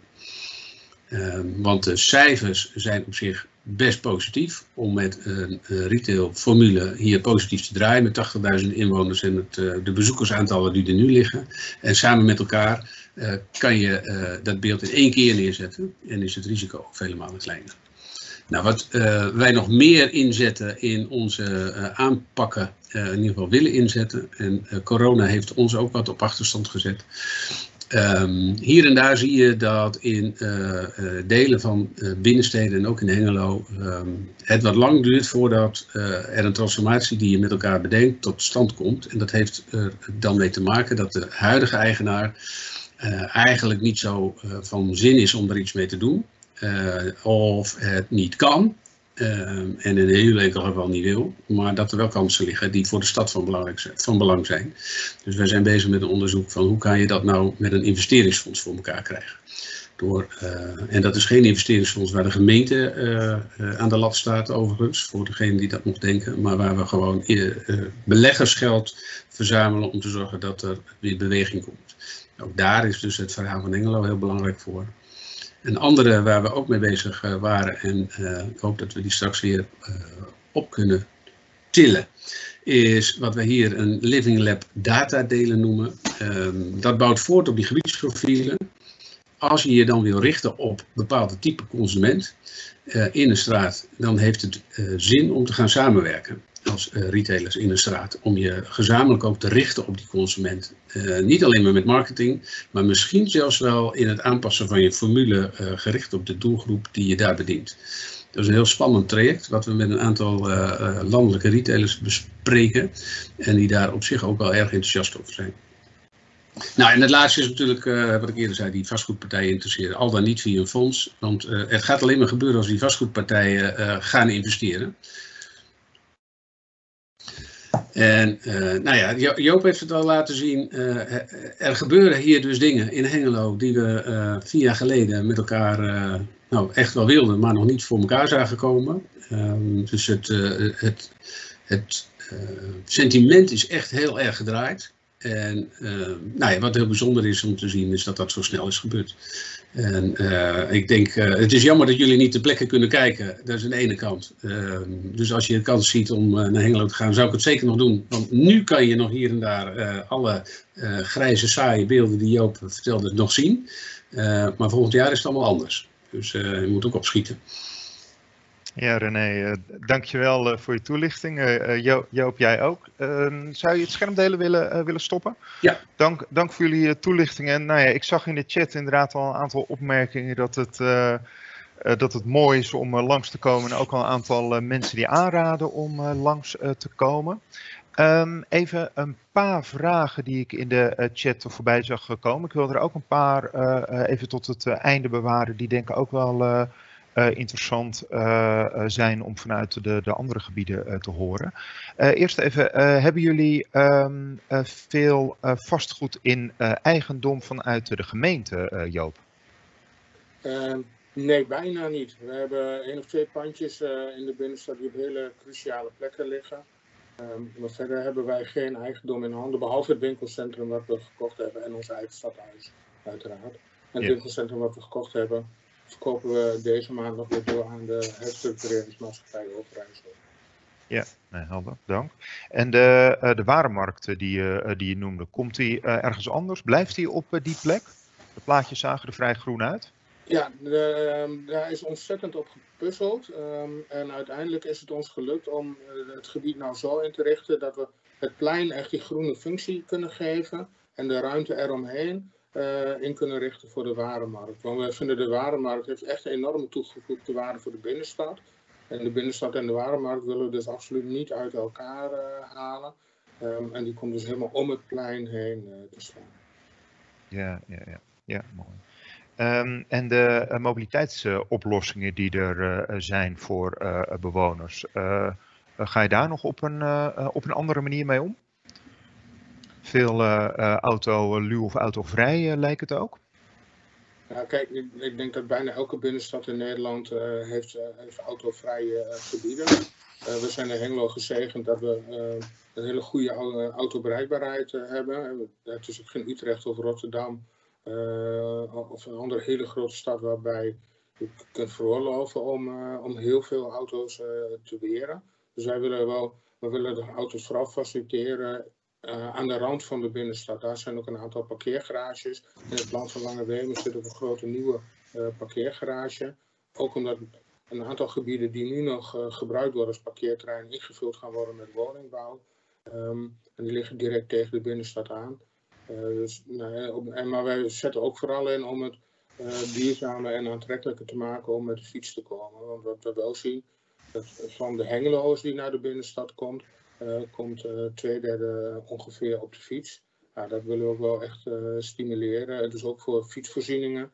Uh, voor fietsen, goede parkeerstallingen, bewaakte stallingen. Dus we eigenlijk pakken op die manier het hele, hele, mobiliteitsvraagstuk uh, aan. Maar fietsen en auto's zijn wel de dominante uh, vervoermiddelen voor, om in de binnenstad te komen. Ja, dank. En die plannen die, die, die, allemaal, um, of waar jullie nu aan werken, zijn dat allemaal nieuw ontwikkelde plannen of is een deel daarvan ook al wat, wat ouder? Nou, eigenlijk is het grappige wat we gedaan hebben, dat wij oude plannen die er al lagen, uit de kast hebben gehaald. Um, en er waren twee plannen, de, ondernemers hadden in 2015 gezamenlijk een plan gemaakt, los van de gemeente. Um, en de gemeente heeft in 2007 een heel participatietraject ge, uh, gedaan over wat we zouden met de binnenstad moeten doen. Uh, maar het hele participatietraject is geëindigd in een heel leuk document, Hengelo zit op goud dat is onder in de la beland en nooit meer wat mee gedaan. Maar eigenlijk wat wij gedaan hebben is die twee stukken die er al lagen en, en, en de visies die daarachter zaten, die hebben we uit de la gehaald, stof eraf geblazen en in de blender gedaan. Alle goede dingen die erin stonden verwerkt in één nieuw verhaal. En dat hebben we samen gedaan met die partners in de stad. Um, en ja, een aantal dingen was ook niet meer van deze tijd. Want een van de uitspraken van Hengelo zit op goud. Van wij zijn de winkelstad van Twente en dat willen we weer worden. Nou, dat is gewoon niet meer realistisch. Dus, nou, en dat uh, we vervangen door, we moeten onze binnenstad compacter maken. Ja, dank. Dank. dank voor jullie toelichtingen, Joop en René. Mooi om te zien hoe jullie in ja, korte tijd in, in Hengelo zoveel transformatie en, en zo'n ja, nieuwe inrichting van de, eh, de hele binnenstad uh, weten te, te realiseren. Um, dan uh, zakken we iets af naar het, naar het zuiden, naar uh, Oosterhout. Edgar Blokker, over de aanpak van jullie centrum daar. Mag ik jou daar het... Goedemorgen allemaal. Goedemorgen. Mijn naam is inderdaad Edgar Blokker, ben opgaveleider Bruisende Binnenstad en vernieuwbouw van het gemeentehuis. Toevallig twee opgaves die uh, we in Oosterhout ook bij elkaar hebben gebracht. Um, ik probeer tegelijkertijd even mijn beeld te delen. Ik ga ervan uit dat jullie dat zien. Maarten knikt volgens mij. Dus. Yes. Um, wij zijn sinds 2015, 2016 ongeveer begonnen met de aanpak van de bruisende binnenstad. In eerste instantie met het professionaliseren van die binnenstadsmanagement. Hè. Uh, is al eerder gezegd uh, de vanmorgen, het, je kan dit soort dingen niet alleen doen. Daar heb je vastgoed, retail voor nodig, uh, gemeentes voor nodig, et cetera. Dus het, het, managen van alles wat er in die binnenstad gebeurt is, is in 2016 ongeveer van, van start gegaan. Door het oprichten van een stichting die daar mee bezig was en het aanstellen van een binnenstadsmanager. En in 2017 is een van de zaken die we um, hebben opgepakt het maken van een binnenstadsvisie en een detailhandelsvisie Waar al de conclusie uiteraard werd getrokken dat uh, Oosterhout als een van de middelgrote gemeentes in Nederland een groot probleem heeft met leegstand. Uh, daar werden toen drie scenario's eigenlijk voor gehouden om te kijken van hoe zorg je nou dat die vierkante meters op, op termijn wat gaan verminderen. En daar is uiteindelijk de keus gekomen om het oude winkelcentrum te behouden en overdekte stukken, waar ik straks even op terugkom, in Arendshof uh, langzaamaan te gaan transformeren. Dus uh, het, de historische stad te laten versterken. En sinds 2018 zijn we ook bezig met een BIS in Oosterhout. Die eerste heeft van 18 tot 20 gelopen. Die hebben we dus net vorig jaar herstemd. en die, dat zijn bijna Noord-Koreaanse uitslagen in Oosterhout geweest. Want 96% van de vastgoedeigenaren en de retailers hebben voorgestemd. Dat is, dus, geeft eigenlijk al aan hoe serieus er door de binnenstad aangepakt wordt over het, het oppakken van alle problematiek die we daar hadden. En sinds 2020, uh, januari vorig jaar, zijn we ook begonnen met het betitelen als een opgave. Wat ook maakt dat we op managementniveau kunnen gaan sturen. dwars door alle organisatieonderdelen in de gemeente Oosterhout heen. Om ja, die kracht van die Oosterhoutse binnenstad weer ehm, te versterken. Want ook dat doen we dus niet alleen maar vanuit één stukje vanuit de gemeente, maar dat zou op heel veel vlakken binnen die gemeente een rol moeten gaan krijgen. Ehm, wat ik al zei, we zijn in eerste instantie begonnen om het gebied wat uh, nu overdekt is uh, in Arendshof 1 en Arendshof 2, dat zijn uh, winkelcentra waar Arendshof 1 um, al enige tijd sinds de jaren 80 gemaakt is en Arendshof 2 eind jaren 90 erbij gekocht, gekomen is door initiële ontwikkelaars. Um, Arendshof 2 is overdekt. Nou, op dat moment dacht Arendshof 1 ook om de strijd niet te verliezen, moeten we ook ons gaan overdekken. Dus dat betekent dat Arendshof 1 en 2 ongeveer uh, 20.000 vierkante meter nu behelst, een derde van de binnenstad. Wat dus nu ook afgesloten is van de binnenstad. Uh, dus om 6 uur, inderdaad werd al gezegd, nu om 5 uur gaan de hekken dicht en is het dus een doodstuk van je binnenstad. En linksboven op het plaatje, waar nu staat Arendsplein, daar um, stonden twee bankgebouwen, de ABN en de Rabo. Ook die zie je steeds meer vertrekken uit centra zijn inmiddels leeggekomen. En de eigenaar van Arendshof 2 had het idee ook om een stuk van zijn winkelcentrum af te gaan halen. Zo'n 2000 vierkante meter. Uh, zodat ze de leegstand die ze in Arendshof 2 al hadden konden reloceren. En 2000 vierkante meter eraf en daar ook een woontoren zouden kunnen plaatsen. Op Arendsplein komen ongeveer 150, 160 woningen. Bestemmingsplan is toevallig de afgelopen week uh, goedgekeurd. Dus dat betekent dat we ook volgend jaar echt concreet kunnen gaan bouwen uh, met de eerste woningen echt weer in het centrum. En tegelijkertijd zijn we ook na gaan denken van ja, in Arendshof 1 en 2, daar zou je uh, verdere stappen moeten zetten. Arendsplein is de eerste steen die we natuurlijk in die vijver hebben gegooid. Dus ook met Arendshof 1 en 2 zal je stappen moeten maken. Arendshof 1, dat komt dus uit de jaren 80, is inmiddels al heel erg verouderd. Dus wij hadden een stiekeme blik al richting Arendshof 1 dat daar de eerste transformatie zou moeten maken. En Arendshof 2 is eind jaren 90 en dat ziet er eigenlijk als een heel goed gebouw nog uit. Dus we hadden de verwachting dat dat gebouw uh, voorlopig nog wel doorkomt. Zeker ook omdat Arendshof 2 uh, op de eerste en de tweede verdieping uh, parkeren heeft.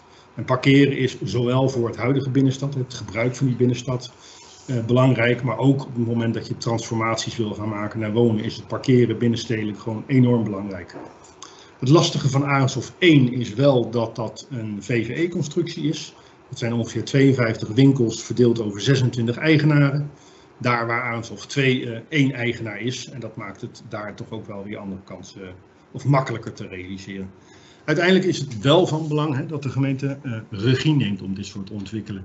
Dus je kan heel erg afwachten tot de eigenaren van Arendshof 1 of 2 of ergens anders stappen gaan zetten. En je merkt dat in deze tijd je toch als gemeente uh, ja, aan het roer moet staan om die ontwikkelingen uh, te laten, goed te laten verlopen. In 2020, wat ik al zei, zijn we begonnen ook met de opgavebruis in de binnenstad. Een van de allereerste dingen is de herijking van die detailhandelsvisie in de binnenstadsvisie. Waar hebben we het nu al over? Daar waar we in 2017, toen de binnenstadsvisie gemaakt was, we dachten dat in 2030 ongeveer 5 à 8000 vierkante meter leeg zou komen te staan, was de, uh, het idee al in 2020 op basis van een nulmeting dat dat getal al gestegen zou zijn naar 13 à 15.000 vierkante meter in 2030. En wij benoemen uh, expliciet 2030, want wij hebben op dit moment een Oosterhout-visie uh, waar we de totale visie en alle aanpak van Oosterhout in weerspiegelen naar het jaar 2030, een soort lange termijnvisie in plaats van het continu vier jaar vooruitkijken. Je merkt dat ook colleges daar de behoefte hebben om verder over die uh, periode heen te kijken. Dus begin 2020, februari, hè, nou ja, allemaal wetende dat dat ongeveer een maand voor de coronacrisis was, um, hadden we de verwachting dat dat zou oplopen tot tussen de 13.000 en de 15.000 vierkante meter in 2030. En in 2020, toen we dus in dat februari ongeveer uh, startten, uh, toen hadden we op dat moment al 12, bijna of goede 12.000 vierkante meter leegstand. Je ziet al die zwarte vlekken eigenlijk op de binnen in de, in de, gepositioneerd, waar uh, het erg verdeeld is, maar zeer zeker in het overdekte gebied Arendshof 1 en Arendshof 2 er extreem veel zwarte gebieden zitten. Dus 12.000 vierkante meter, al in 2020, en dat was inderdaad dus een maand voor de corona. En ja, toen we eenmaal daarmee begonnen, was het idee dat dat echt wel een behoorlijke impact zou hebben. Ehm, en zeer zeker als een soort versneller van die leegstand. En uiteindelijk is de conclusie dat uh, we niet in 2030 al die leegstand zouden hebben, maar dat dat al eerder zou plaatsvinden, ongeveer al in 2023. Je ziet al dat zo'n impact als corona een enorme versneller is op uh, um, ja, zaken die al eerder zijn ingezet. Wij stevenen af op, uh, nou ja, worst case zeg ik maar even, 19 à 20.000 vierkante meter leegstand. Hè, dus een derde van de binnenstad ongeveer, die uh, eind dit millennium leeg zou staan. Hoewel eerlijkheidsgebied ze zeggen dat corona ook positieve impact heeft op dit moment op leegstand. Hoe bijzonder dan ook. Nou, de deelgebieden die we hebben in het centrum, ook die hebben we bezien. Ook daar zie je weer dat de aanpak die we gekozen hadden om in Arendshof 1 en 2 uh, uh, flink in te gaan zetten, zinvol is geweest. Want die hadden een hele grote risico om verder teloor te gaan ten gevolge van die corona. En ook de Nieuwstraat is eigenlijk de verbinding tussen het kern en het Arendshof 1 en 2. merk je als gewoon een risicogebied, daar waar je dus in moet grijpen. Ja, en toen ontstond er een andere situatie. De dag dat wij het programma van eisen van het gemeentehuis wat we wilden maken in Oosterhout op het Slotjesveld hadden laten vaststellen door de gemeenteraad, inclusief locatie, hadden wij ambtelijk een eerste overleg met een ontwikkelaar die eigenlijk bij ons kwam aan tafel om Arendshof 2 op te kopen. Arendshof 2 is het winkelcentrum wat ik net zei, 9300 vierkante meter. Deze ontwikkelaar die uh, had eigenlijk het idee om ja, te gaan kopen van de vorige eigenaar en hetzelfde kunstje daar weer te doen. Dus wederom 9300 vierkante meter uh, detailhandel te houden. Hoewel die er wel inderdaad 2000 meter af wilde halen. En in hoeverre daar uh, nog ontwikkelingen mogelijk waren, bijvoorbeeld door een woontorentje erop te plaatsen. Uh, die hebben we met elkaar gedeeld, uh, nou, een paar of een week later ongeveer, welke opties wij als gemeente zagen om extra woningen bijvoorbeeld toe te passen. Um, en daags daarna heeft de ontwikkelaar zelfs gevraagd, misschien wel net zoals in Hengelo, om als gemeente mee te investeren. Want je merkt dat er toch ook flinke investeringen zijn voor ontwikkelaars. Um, maar ja, uiteindelijk dachten wij ook op het moment dat je dus zelf mee gaat uh, investeren. Dan heb je ook meer regie natuurlijk op dat wat er gebeurt. Maar zou je echt regie willen hebben, dan is er eigenlijk maar één ding te doen. En dat is dus als gemeente zelf heel die winkelcentrum kopen. Um, dus um, dat hebben we ongeveer op 1 december uh, um, ja, aan de ontwikkelaar of aan de potentiële koper natuurlijk doorgegeven dat wij als gemeente zelf het pand wilden gaan kopen. Op dat moment hebben we natuurlijk wel een aantal opties bedacht van wat doen we er als gemeente dan mee. Een van de opties uh, die we hadden is um, um, te verkleinen. We hebben nog gekeken naar opties om te wonen. Dat was heel erg lastig, zeer zeker omdat het parkeren erboven zit. Het gemeentehuis hadden we natuurlijk als optie uh, net besloten om die op Slotjesveld te realiseren. Ook daar hadden we ideeën over van zouden we het gemeentehuis niet weer naar het centrum toe kunnen gaan brengen op die locatie. Dan wel het toevoegen van bijvoorbeeld een supermarkt, wat uh, ook wel behoorlijk wat vierkante meters toe zou kunnen voegen aan, uh, aan het centrum van Oosthout. Op uh, 5 uh, december hebben we daarnaast ook, hè, dat waren allemaal gesprekken die nog aan de ambtelijke tafel, zou ik bijna willen zeggen, plaatsvinden. Hoewel de wethouder natuurlijk op dat moment ook was bijgeschoven. De politieke check binnen de fracties in hoeverre het een, een, een potentie was om uh, Arendshof 2 ook daadwerkelijk door de gemeente aan te kopen en welke risico's daaraan hingen. 5 en 6 december. De vijfde is het college daarvan verwittigd. De zesde is de gemeenteraad daarvan verwittigd. En de veertiende, amper een week daarna, hebben we het college en de raad een besluit laten nemen om Arendshof 2 te kopen. En uiteraard meteen ook het krediet aan te koppelen. Het besluit om het te kopen mag een college doen. Maar het beschikbaar stellen van de middelen zal ten alle tijde door de raad gebeur, moeten gebeuren. En uiteindelijk wil je natuurlijk ook draagvlak voor dergelijke keuzes hebben. Uh, nou ja, wat je al ziet, dat is een hele snelle termijn geweest. En uiteindelijk uh, heeft 17 december de ontwikkelaar, die natuurlijk een, uh, een optie tot koop had, bij de verkopende partij uiteindelijk de Arendshof 2 gekocht.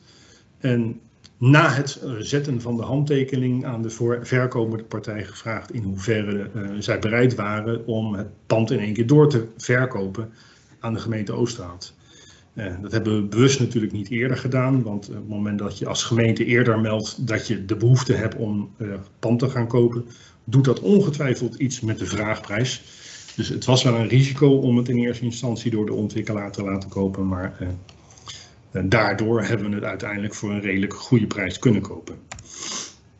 Uh, daar heeft de verkopende eigenaar mee ingestemd onder één grote voorwaarde, dat het ook daadwerkelijk nog in het boekjaar 2020 zou overgedragen worden.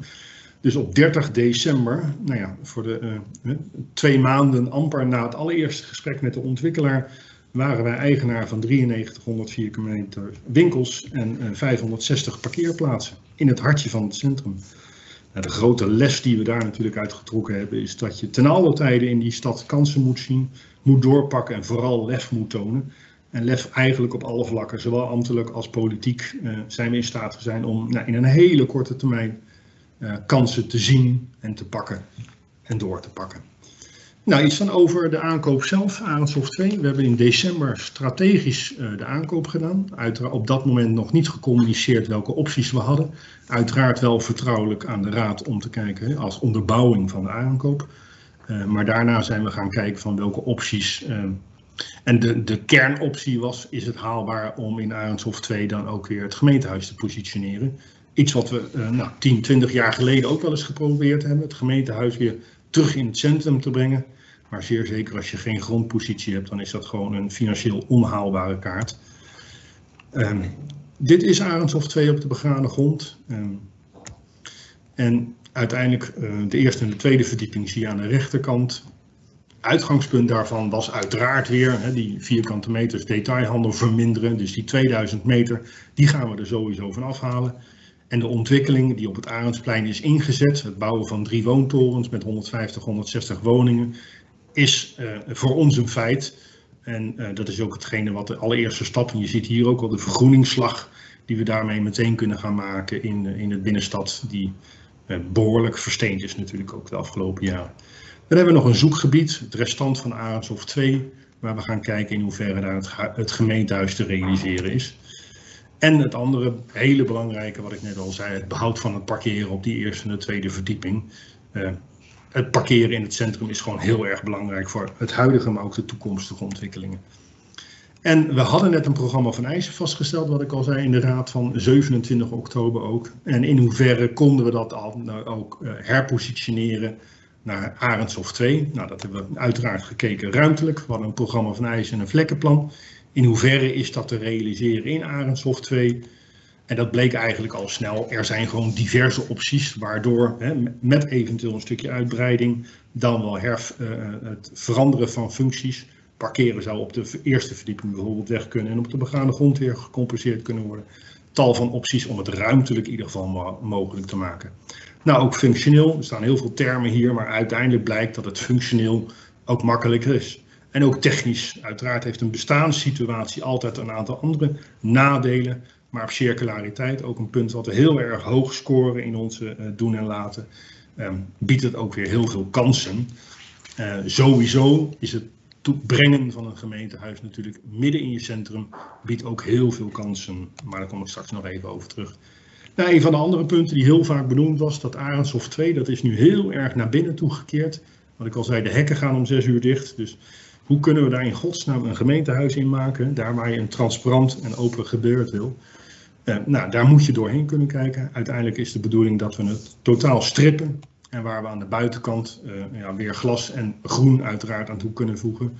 Je zou zelfs met zonnepanelen bovenop je open uh, parkeergarage kunnen worden. dus de transformatie is goed mogelijk op een dergelijk huidig winkelcentrum. Nou, de investeringskosten die we geraamd hebben voor het realiseren van het gemeentehuis in het bestaande Arendshof 2 die zijn ongeveer 25,7 miljoen euro. En we hadden een aankoop gedaan van 12,5 miljoen. En dat blijkt ongeveer hetzelfde bedrag te zijn als de raming die we hadden voor nieuwbouw van het stadhuis op het Slotjeveld. Daar hadden we voor het gebouw 30 miljoen ingeraamd. En voor de bebouwde parkeervoorziening 8 miljoen. Dus dat komt ongeveer uh, dus je zou kunnen zeggen dat we een gelijke investering hebben. Maar niets is minder waar, want voor die investering die we nu doen, krijgen we eigenlijk ook veel meer. We krijgen een extra winkelruimte in Arendshof 1. Wat ik al zei, Dat was een uh, Arendshof 1 is een VVE-constructie. Dat betekent dat wij ook één, uh, één deel in de VVE zijn als, uh, als eigenaar nu van als gemeente Oosterhout. Waardoor je ook vanuit binnen daar veel meer invloed kan oefenen, uitoefenen op alle stappen die daar nog gezet gaan moeten worden. Arendshof 2 beschikt over 560 parkeerplaatsen. Daar waar we op Slotjesveld voor 200 parkeerplaatsen ongeveer 8 miljoen uit hadden. Dus we hebben voor datzelfde dag veel meer parkeerplaatsen gekregen. En uiteindelijk uh, ja, laat je het gemeentehuis natuurlijk achter op het Slotjesveld, wat weer mogelijk is om extra woningen daar te plaatsen. En ook op het Arendsplein, die 2000 vierkante meter detailhandel die we daar uitmaken, kunnen we een extra woontoren natuurlijk plaatsen, wat ook weer inkomsten voor de gemeente uit uh, oplevert. En, en, niet te vergeten, ja, wij zijn gewoon sinds 1 januari eigenaar van uh, detailhandel. Dus wij krijgen nu ook gewoon huur als gemeente Oosterhout van detailisten. Daar hebben we meteen natuurlijk wel een tegenstrijdig belang. Want aan de ene kant uh, ja, willen we inkomsten genereren voor nu. Maar aan de andere kant zijn we volop met deze partijen bezig die er nog in zitten. Uh, om ze te relokeren naar de binnenstad. En je zal begrijpen dat uh, ja, de ene wat makkelijker daarin gaat dan de ander. Maar alle partijen uh, zijn groot voorstander eigenlijk van de keuze die de gemeente gemaakt, heeft gemaakt om het, het, pand aan te komen. Want je, ziet ook dat dat soort stappen, zeker van de overheid uit, gewoon enorm nodig zijn. Want in, zelf komen ze daar vaak niet uit. En nou, last but not least, de enorme financiële of maatschappelijke meerwaarde die we krijgen door uh, uh, midden in het centrum um, uh, ja, vierkante meters eruit te halen en extra woningen te creëren, is eigenlijk nog veel meer waard dan de initiële investering die we als gemeente daar doen. En dat heeft ook een, daardoor een enorme maatschappelijke meerwaarde. Die 9100 vierkante meter leegstand die we eruit gaan halen. Uh, de dienstverlening die we als gemeente natuurlijk midden in het stad gaan brengen, waar uh, meteen ook weer extra aanloop, aanloop uh, creëert. Niet alleen van onze ambtenaren zelf, maar natuurlijk ook mensen die voor functies komen naar het gemeentehuis, pakken daarna meteen een stukje um, binnenstad aan mee. Um, Arendshof 2 was heel erg naar binnen gekeerd. Nou, dat ga je dus nu een heel andere uitstraling gaan geven. Het gebied wordt daarmee veel doorwaardbaarder. Nou, maatschappelijk hebben we natuurlijk ook een veel uh, bereikbaarder gemeentehuis. Het wordt veel transparanter uh, en bereikbaar, sorry, bereikbaar voor, voor klanten. Um, en letterlijk is het een hele lage drempel, waardoor je gewoon veel bereikbaarder bent als gemeente midden in het centrum. Oh. Nou, dat was eigenlijk, ik heb hem wat versneld denk ik, want uh, je liep wat uit Maarten volgens mij, maar... Ja, dankjewel uh, Edgar voor deze toelichting. En nou ja, wat in de chat ook al werd er gezegd, uh, mooi en dapper dat er zo'n snelle aanpak van, de, van jullie kwam. Um, daarbij nog even een, een, een, paar vragen. Uh, de, de, wat waren uh, de argumenten voor de ontwikkelaar om direct door te verkopen? Uh, uiteindelijk is dat oh, de ontwikkelaar die het ge gekocht had. Ja, yeah, ja. Yeah. Nou ja, die heeft uiteindelijk natuurlijk onderhandeld dat hij een grondpositie een aantal woningen zou mogen maken. Ehm, uiteindelijk kost ons dat niks, maar hij heeft natuurlijk het contingentrecht voor een aantal woningen van ons geclaimd. Uh, en uiteindelijk zag hij natuurlijk zelf ook wel dat er een risico zat in de aankoop. Dus hij vond deze optie ook nog wel heel interessant. Ja, en dat waren, dan, waren dat dan uh, woningen die hij op een andere plek kon uh, realiseren? Ja, nou ja, eigenlijk die woontoren. Dus hij heeft het recht gekregen oh, om op, die, op de locatie van Arendshof twee woningen te realiseren. Ja, ja. En um, wat waren de, de, argumenten voor raad en college? Want dat is ook in een vrij korte tijd uh, gegaan. Nou ja, en, en, achteraf geredeneerd uh, kan, je, uh, kan je dat goed voorstellen. Maar ik kan me voorstellen dat daar ook wel wat risico's werden gezien. Die ja. toch in zo'n korte tijd is gelukt. Het bijzondere is dat wij natuurlijk een, uh, een besluit hadden genomen al over uh, nieuwbouw van een gemeentehuis. Iets waar we ook al heel erg lang over uh, deden. Dat ligt politiek altijd heel ingewikkeld. Hè? euro stoppen in iets wat niet direct naar de inwoner of naar bedrijven toe gaat. Dus het geld stoppen in je eigen huis. Er waren ook een aantal partijen uiteraard die daarop tegen waren. En je zag toen we de optie hadden om de aankoop van Arendshof 2 te doen, maar ook de keuze om het gemeentehuis daar te realiseren, dat dat meteen een unaniem besluit was. Want je kan daar voor diezelfde middelen eigenlijk twee doelen voor elkaar krijgen. Enerzijds ja, moet je een investering doen voor dat huis wat je toch al nodig hebt. Daar moest er een investering doen. En aan de andere kant bereik je daarmee zoveel ontzettend veel meerwaarde. Ehm, door die vierkante meters in één keer uit de markt te kunnen halen. En uh, dat zat ook misschien wel een beetje verkapt in het verhaal. Uh, uiteindelijk levert het ons ook heel veel op. Hè? Dus als je de business case op een grotere schaal gaat zien. Dus de extra woningen die we uh, voor die 2000 vierkante meter kunnen realiseren. Maar ook dat wat we op Slotjesveld achterlaten van het gemeentehuis levert ook weer inkomsten. Dus de financiële business case in, in het grotere plaatje is gewoon heel interessant. En misschien even nog als context. hoeveel inwoners heeft Oosterhout ongeveer?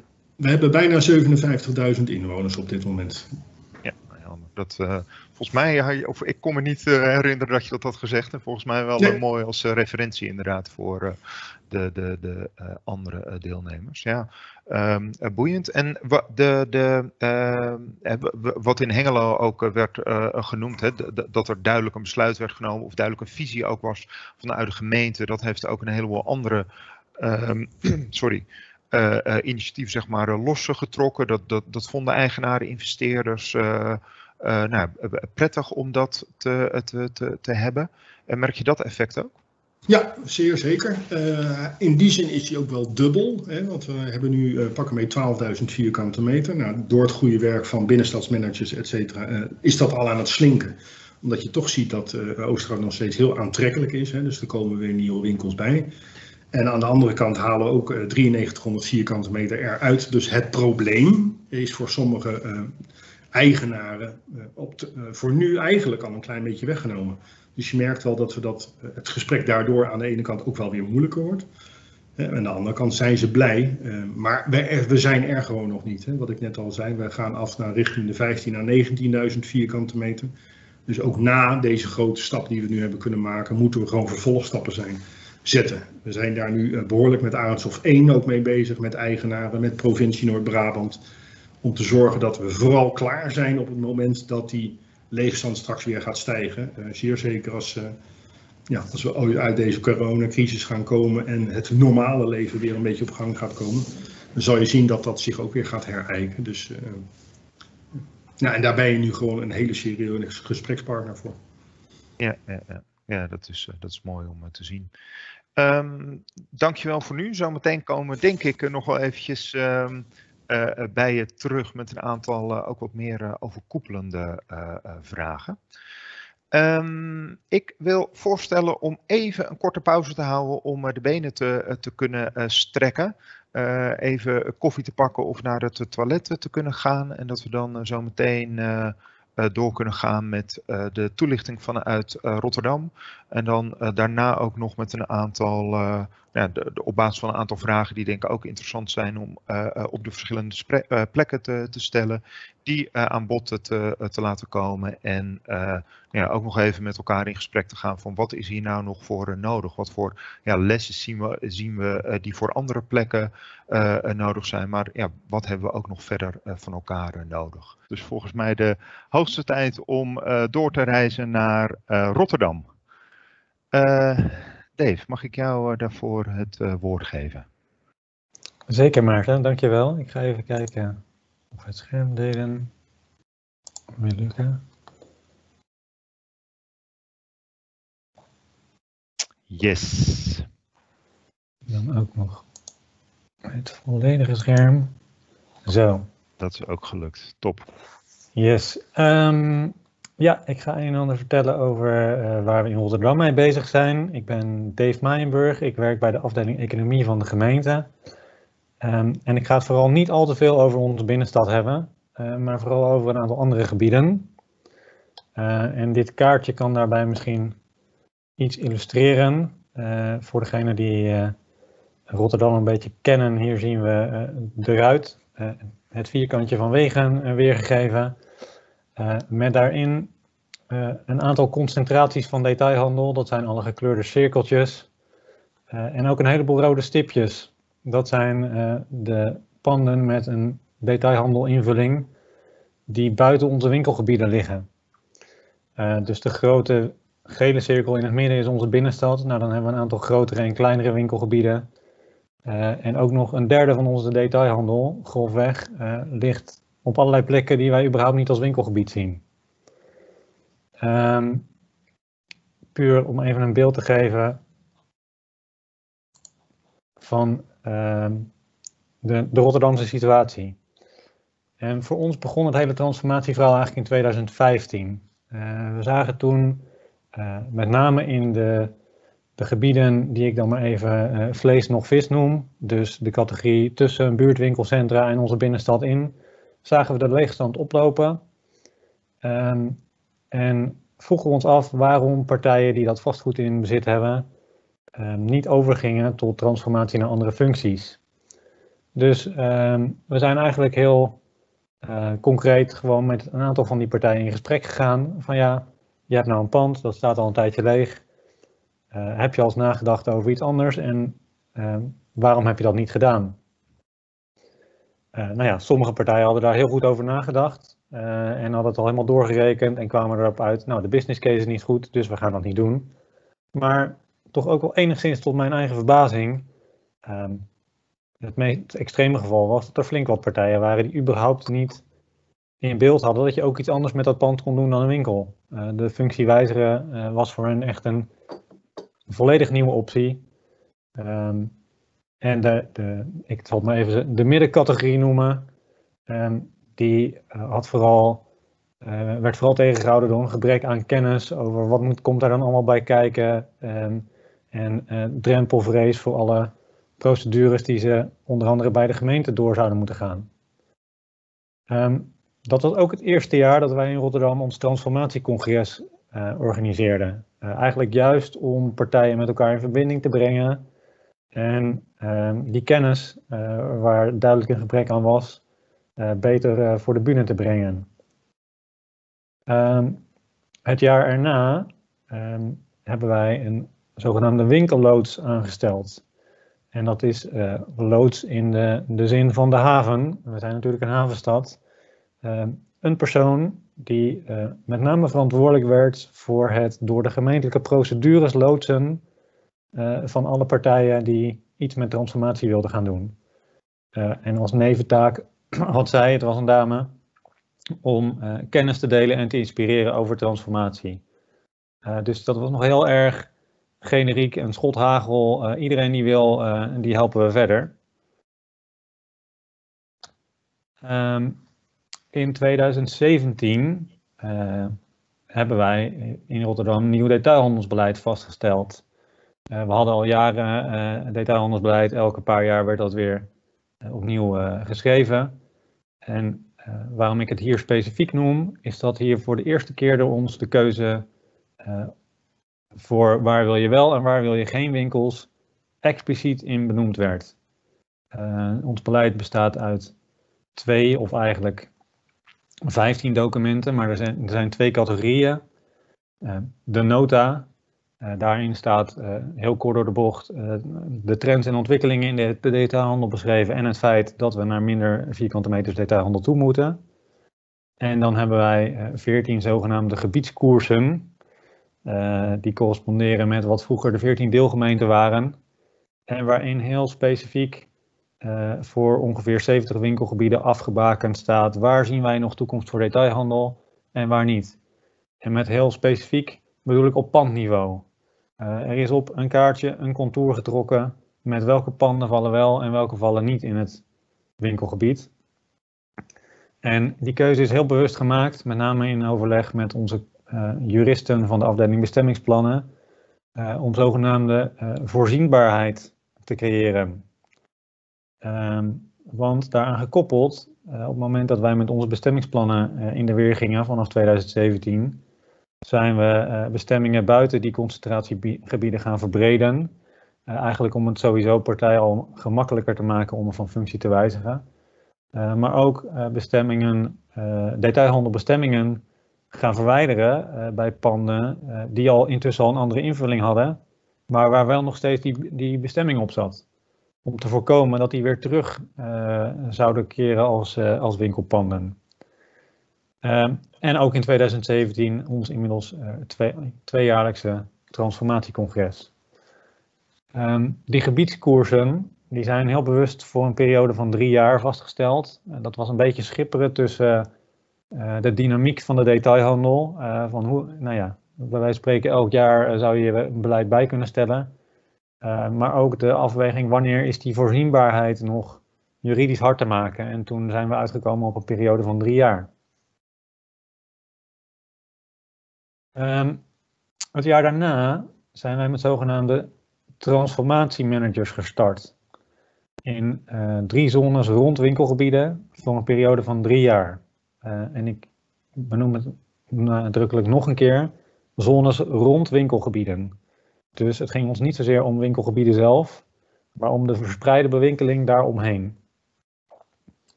Die transformatiemanagers uh, waren personen die proactief individueel vastgoedeigenaren gingen benaderen. Dus ze gingen gewoon op partijen af. Jij hebt daar een pandje, uh, het staat leeg of uh, het komt binnenkort leeg. Heb je al eens nagedacht om daar iets anders mee te gaan doen dan uh, weer een detailist te gaan benaderen als huurder? Nou, op, in de achterzak hadden zij een zogenaamde expertpool, ook tot op zekere hoogte betaald door de gemeente, met architecten, financieel deskundigen, bouwkundigen, en andere partijen die eventueel nodig zouden zijn om uh, een besluit over al dan niet transformeren te onderbouwen met tekeningen en berekeningen. Um, we hadden op dat moment, en dat was vrij nieuw voor Rotterdam, um, ook een collegeopdracht om daadwerkelijk uh, aantallen panden te gaan transformeren. Um, in het verleden was het college met name gefocust op het weer opkalefateren van winkelgebieden, laat ik het maar zo zeggen. Um, en nu hadden we een college wat zei, ja, eigenlijk willen we dan in die drie pilotgebieden ook wel 30 panden per gebied transformeren. Dus in totaal 90 panden um, gewoon fysiek getransformeerd hebben. Um, nou, die pilot uh, liep dus drie jaar. Ik kom zo nog wel even terug op waar we dan nu staan. Uh, het jaar daarna zijn we ook gestart in twee winkelgebieden met een zogenaamde eh, combinatieaanpak heb ik het maar even genoemd.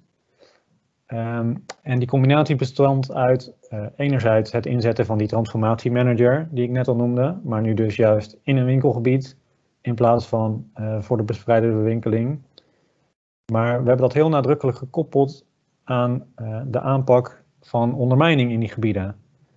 Um, in heel veel winkelgebieden die niet zo lekker meer functioneren, zien we in ieder geval in Rotterdam, dat niet alleen de leegstand toeneemt, Um, maar ook de, uh, de minder uh, bona fide partijen hun weg weten te vinden om daar in die pandjes van alles te gaan doen, wat we eigenlijk liever niet zien. Um, en die aanpak vanuit uh, van ondermijning, dat wordt door een heel ander onderdeel van de gemeente gedaan. En in 2019 hebben we voor het eerst gezegd, nou ja, laten we die twee inzetten nou eens aan elkaar koppelen in hetzelfde gebied.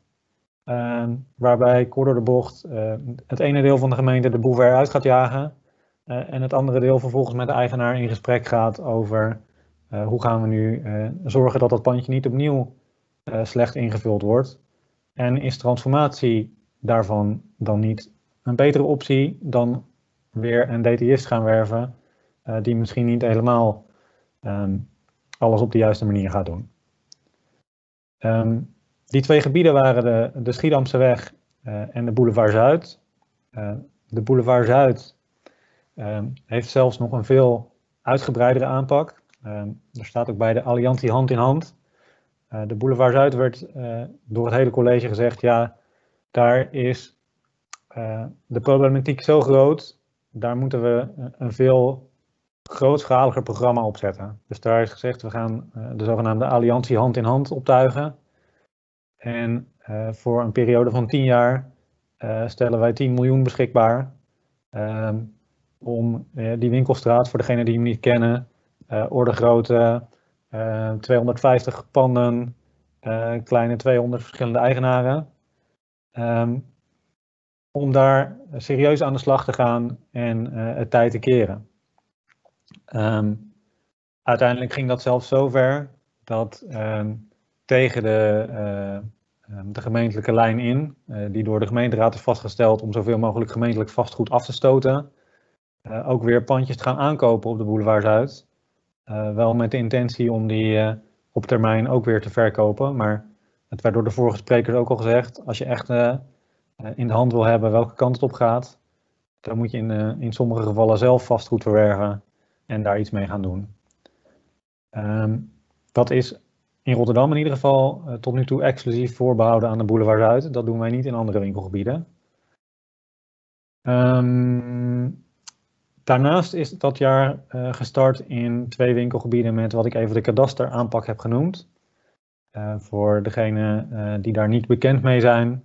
het is een aanpak door het kadaster ontwikkeld, ik meen in Bodegraven, om met vastgoedeigenaren in gesprek te gaan over de toekomst van het winkelgebied aan de hand van een, nou ja, bij gebrek aan weten woord spel, Um, waarbij je met blokjes op een kaart uh, de functies over de kaart gaat verdelen om eigenlijk het gesprek te voeren over waar willen we nou met z'n allen naartoe. Um, en we hebben daar bewust voor gekozen, omdat wij merkten dat op het moment dat we als gemeente dat soort gesprekken initiëren, um, het animo bij de vastgoedeigenaren om aan tafel te komen vrij beperkt is. Uh, dus we hebben uh, op deze manier een, meer neutrale partij ertussen gezet om het gesprek te faciliteren.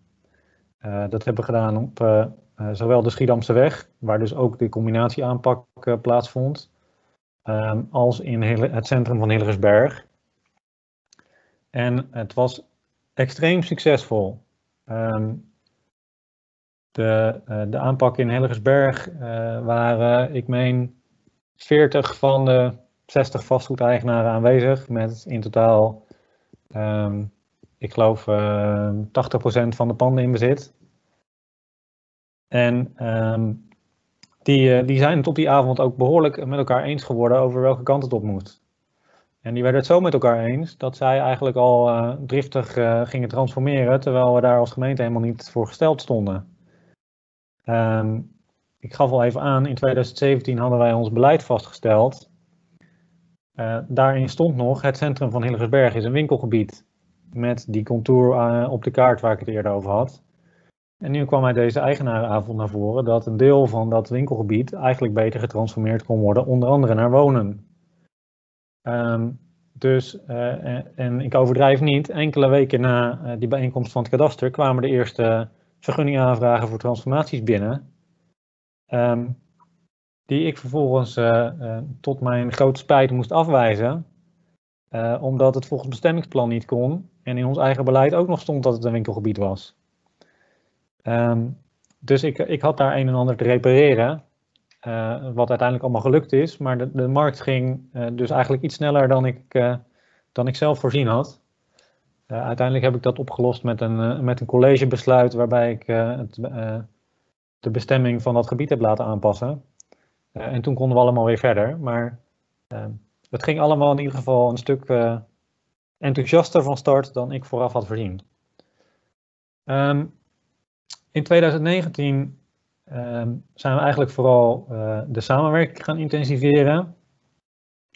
En we zijn in Rotterdam zelf gestart met de zogenaamde Task Force Retail Rotterdam. Um, dat is een, een samenwerkingsverband tussen gemeenten, retailers en vastgoedeigenaren. En nou ja, de gouden driehoek is eerder vandaag al genoemd. Um, voor degenen die de Rotterdamse situatie niet zo goed kennen, er is maar zeer beperkt sprake geweest al heel lang van structurele samenwerking in Rotterdam tussen deze partijen. Uh, op gebiedsniveau uh, er zijn denk ik, ik denk dat maximaal 40% van die winkelgebieden überhaupt iets van een samenwerkingsvorm heeft. Uh, maar al helemaal op stadsniveau, waar dit over ging. Um, dus dit was echt, het idee was, we gaan het over de hele stad Rotterdam hebben. Dus al die 70 winkelgebieden en waar moet dat nou naartoe? Dat, dat was tot die, dat moment ongekend. Um, dus we moesten vanaf nul een samenwerking gaan opbouwen. Um, met in ieder geval op dat moment nog als insteek de Rotterdamse retail versterken. Ik kom er zo nog wel even op in een van de volgende slides waar dat uiteindelijk toe geleid heeft. Maar um, het de intro van Marijke gaf al aan dat uh, um, de koers uh, op meer fronten gewijzigd is van de focus op retail naar een bredere blik. In 2019 hebben we ook weer ons tweejaarlijkse transformatiecongres gehad. Ehm, en vorig jaar, en daar komt hij, zijn we gestart met de kennistafel transformatie van de retailagenda. Dat is een samenwerking van gemeenten uh, en het hoofddoel is vooral om goede voorbeelden te verzamelen. Dus ik heb net al een paar dingetjes genoemd waar wij in Rotterdam mee bezig zijn geweest. En er komen er zo nog een paar. Uh, maar we zijn vooral ook heel erg geïnteresseerd in waar zijn anderen nou mee bezig? Wat kunnen we daarvan leren? Um, en hoe kunnen we dat breed onder de bühne brengen, op de bühne brengen, zodat iedereen uh, die daar interesse in heeft, daar zijn voordeel mee kan doen. Want de problematiek is groot en speelt breed. Uh, dus laten we kijken hoe we dat met z'n allen zo efficiënt mogelijk kunnen doen. Um, eerder dit jaar leverde de Taskforce Retail een zogenaamd gedeeld toekomstbeeld op. Um, het is bewust geen visie of uh, wat voor beleidstuk dan ook geworden, want het is namelijk geen document van de gemeente Rotterdam. Het is een document waar de gemeente Rotterdam uh, aan meegedacht heeft, maar wat vooral het product is van het samenwerkingsverband. En um, de eindconclusie was, uh, winkelgebieden blijven en worden uh, alleen maar aantrekkelijke kernen met meer diverse functies. Dus uh, de transformatie is nodig. We kunnen het niet alleen maar weer allemaal invullen met retail. Nou, ik hoef jullie daar, vertel jullie daar allemaal waarschijnlijk helemaal niks nieuws mee. Maar dat dit onderkend werd door onze samenwerkingspartners, die toch allemaal uit de retailbranche kwamen, of het nou retailers zelf waren of retail vastgoedbezitters, uh, was voor ons wel een enorme stap. Uh, omdat we nu uh, stadsbreed de neuzen enigszins dezelfde richting op hebben. Van we moeten toch echt wel terug in die vierkante meters en nadenken over alternatieve functies. Uh, op dit moment wordt als vervolg daarop de zogenaamde aanpak vitale kernen vormgegeven. Um, dus als we dan toe willen naar minder monofunctionele winkelgebieden, maar meer um, diverse kernen, ja, hoe gaan we daar komen? We hebben daarvoor een uh, zogenaamd bestuurlijk overleg tussen onze wethouder economie en vertegenwoordigers van met name uh, brancheorganisaties en, en belangenclubs en collectieven die op stedelijk niveau over dat vraagstuk nadenken. Uh, maar daarnaast zijn we op gebiedsniveau, uh, en dan bedoel ik op winkelgebiedsniveau, die samenwerking nu aan het vormgeven. Um, waarbij we die zogenaamde gouden driehoek of gouden cirkel, geef het een naam, per winkelgebied aan het optuigen zijn. Um, zoals ik al zei, die, die historie hebben we niet zo in Rotterdam, maar hebben we nu wel nodig om daar te komen. Um, en dat gaat met vallen en opstaan. Het vertrouwen onderling moet, moet nog versterkt worden. Maar we zijn wel met elkaar in gesprek. En ehm, nou, we denken dat het de goede kant op gaat. Daarnaast hebben we dit jaar ehm, de transformatie in die zones rond de winkelgebieden, die voor een periode van drie jaar was, geëvalueerd. Um, hij moet nog naar het college terug, dus ik zal nog niet helemaal in detail gaan. Maar de hoofdlijn is wel dat het een, een heel succesvolle aanpak is geweest. Met uh, waardestijging van zowel de panden uh, als de investeringen en, en extra investeringen in het gebied tot gevolg. Het zogenoemde vliegwieleffect. Wij hebben die transformatiemanager ingezet om een en ander aan te zwengelen. maar uiteindelijk zijn er veel meer panden getransformeerd dan alleen de panden waar de transformatiemanagers op af zijn gegaan. En wij hebben die expertpool betaald, maar dat was orde grootte 2.500 euro per pand. Dat is natuurlijk een minimaal bedrag ten opzichte van de investeringen van die partijen zelf in het transformeren van panden. Um, en um, ook de partijen zelf hebben aangegeven dat zij zonder die transformatiemanager en die expertpool um, de stap waarschijnlijk niet gezegd hadden. Dus we zijn nu druk aan het schrijven aan een voorstel voor een nieuwe aanpak. Waarbij we dit veel breder en uh, veel uitgebreider in Rotterdam willen gaan inzetten. Uh, want we hebben nog uh, een heleboel transformaties te gaan. Um, daarnaast zijn we ons beleid dit jaar aan het actualiseren. Ik gaf al aan, die gebiedskoersen die hadden we voor een periode van drie jaar vastgesteld. Dan zijn we iets vertraagd door corona. We hadden eigenlijk gehoopt ze vorig kalenderjaar al vast te stellen. Maar dat gaat nu in ieder geval nog dit kalenderjaar gebeuren. Um, En daar worden weer een aantal belangrijke stappen gezet. Met name dat we naar minder winkelgebieden gaan. Waar we de vorige keer nog 70 hadden, uh, hebben we er straks uh, in, uh, op onze kaartjes nog maar 40 over. En ook in de winkelgebieden um, maken we onderscheid naar verschillende zones. Hadden we voorheen één contour op een kaart, dit is het winkelgebied. nu maken we binnen winkelgebieden zelfs onderscheid naar het concentratiegebied dat is dan het deel waar eventueel ook nog winkels zelfs bijgebouwd of vierkante meters bijgebouwd zouden kunnen worden. Uh, consolidatiegebied, waar we zeker wel detailhandel willen houden, maar niet meer willen toevoegen. Um, en transformatiegebied, dus waar willen we naar minder detailhandel toe? Um, nou, dit moet allemaal nog vastgesteld worden en dat, dat, wordt, een, dat wordt weer een spannende. Um, maar we denken dat, dat we nu weer een stapje verder kunnen dan de vorige keer. nou, dan staat er ook nog een transformatiecongres gepland. Dat stond op 9 december, maar gezien de huidige maatregelen is dat uh, vooruitgeschoven naar volgend jaar. En uh, dan zullen wij weer uh, uitgebreid kennis gaan delen met onze partners en hopelijk ook fysiek, zoals elke twee jaar, een aantal excursies gaan doen naar gebieden om die kennis te delen. Dan wil ik er nog even twee specifiek onder de aandacht brengen. Uh, de, de, linker is vooral een interne succesje, maar daarmee niet uh, minder relevant. Um, ik gaf al aan dat uh, panden aankopen en überhaupt in bezit houden binnen de, de gemeente Rotterdam al jaren nat dan is. nu hebben wij toch de handen op elkaar gekregen voor een fonds vitale kerngebieden. Om, en dat illustreert dat schemaatje daarboven, als een soort van last resort panden te kunnen aankopen als dat echt nodig is om een beweging in elkaar te, uh, voor elkaar te krijgen.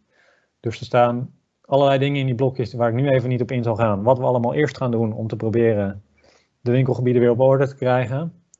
Uh, en als we dan echt helemaal vastlopen, hebben we nu een go om met een investeringskrediet bedrijfspanden aan te kopen, te transformeren en weer te verkopen. En aan de rechterkant staat een meer extern succesje. Uh, ik had het al even over de hand, alliantie hand-in-hand aanpak op de Beierlandse Laan. We hebben, ik meen twee weken geleden, uh, de vastgoedprijs voor transformatie ge, gewonnen voor die aanpak. En uh, de jury prees onder andere de aanpak in relatie tot de complexiteit van de opgave en de samenwerking tussen de partijen. Um, nu gaf ik al aan dat is ook wel in ieder geval in Rotterdam een uitzonderingsaanpak. Dus ik wil zeker niet daarmee uh, de prijs uh, tekort doen. Maar dat is niet iets wat wij in elk winkelgebied kunnen gaan doen. Daar hebben we simpelweg de middelen niet voor. Um, dus we zijn ook heel erg zoekende hoe kunnen we met de middelen die we wel hebben en waar um, dit niet haalbaar is, toch de stappen zetten die nodig zijn.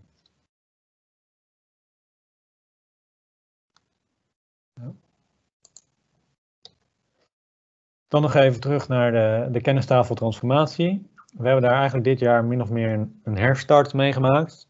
Uh, vorig jaar in verband met corona uh, liep dat toch allemaal een beetje spaak. En we hebben nu uh, met frisse moed weer wat extra partijen geworven. Aan de linkerzijde zien jullie een, een rijtje partijen waarmee wij om tafel zitten om ervaringen met het transformeren van winkelpanden uit te wisselen. die zal ik niet allemaal noemen, jullie kunnen ze zelf lezen. Um, aan de rechterkant, um, dat vind ik eigenlijk belangrijker, hebben we onderkend dat er rondom transformatie eigenlijk vijf thema's zijn die spelen, waarop wij uh, best practices aan het zoeken zijn. En ik zal, die zal ik wel even benoemen. De eerste gaat over het ambitie bepalen met een winkelgebied intern binnen de gemeente. Um, dat zal wellicht binnen uh, kleinere gemeenten iets minder een uitdaging zijn dan binnen de gemeente Rotterdam. Uh, maar ik heb uh, meer dan 10.000 collega's. En op het moment dat wij um, zeggen vanuit de economie, het zou iets anders moeten worden dan detailhandel, dan komt altijd de vraag op tafel, maar wat dan wel? En dan heb ik um, een flink aantal andere afdelingen nodig om te bespreken wat we daar dan wel zouden willen hebben en het daarover eens te worden. De tweede gaat over de ambities met je winkelgebied bepalen met de gouden driehoek. Dus multi-stakeholder. Als we het dan als gemeente weten, wat onze belangen zijn, dan moeten we het ook nog eens worden met de vastgoedeigenaren en de winkeliers.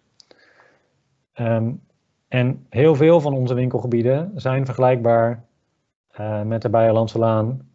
Uh, dus zijn de 100 panden, 80 eigenaren. Dus dat is best nog een uitdaging om daar met elkaar uit te komen waar je naartoe wil. Nou, als we dan weten waar we heen willen, hoe organiseer je dat dan? Uh, is een belangrijke. En de laatste twee gaan eigenlijk over middelen en instrumenten om de gewenste ontwikkelingen dan te, te versnellen of te stimuleren en de ongewenste te voorkomen. Nou, rondom deze vijf thema's zijn wij nu best practices aan het verzamelen om die uiteindelijk uh, breed te delen met iedereen die daarin geïnteresseerd is. Dan ben ik volgens mij uh, door mijn verhaal heen.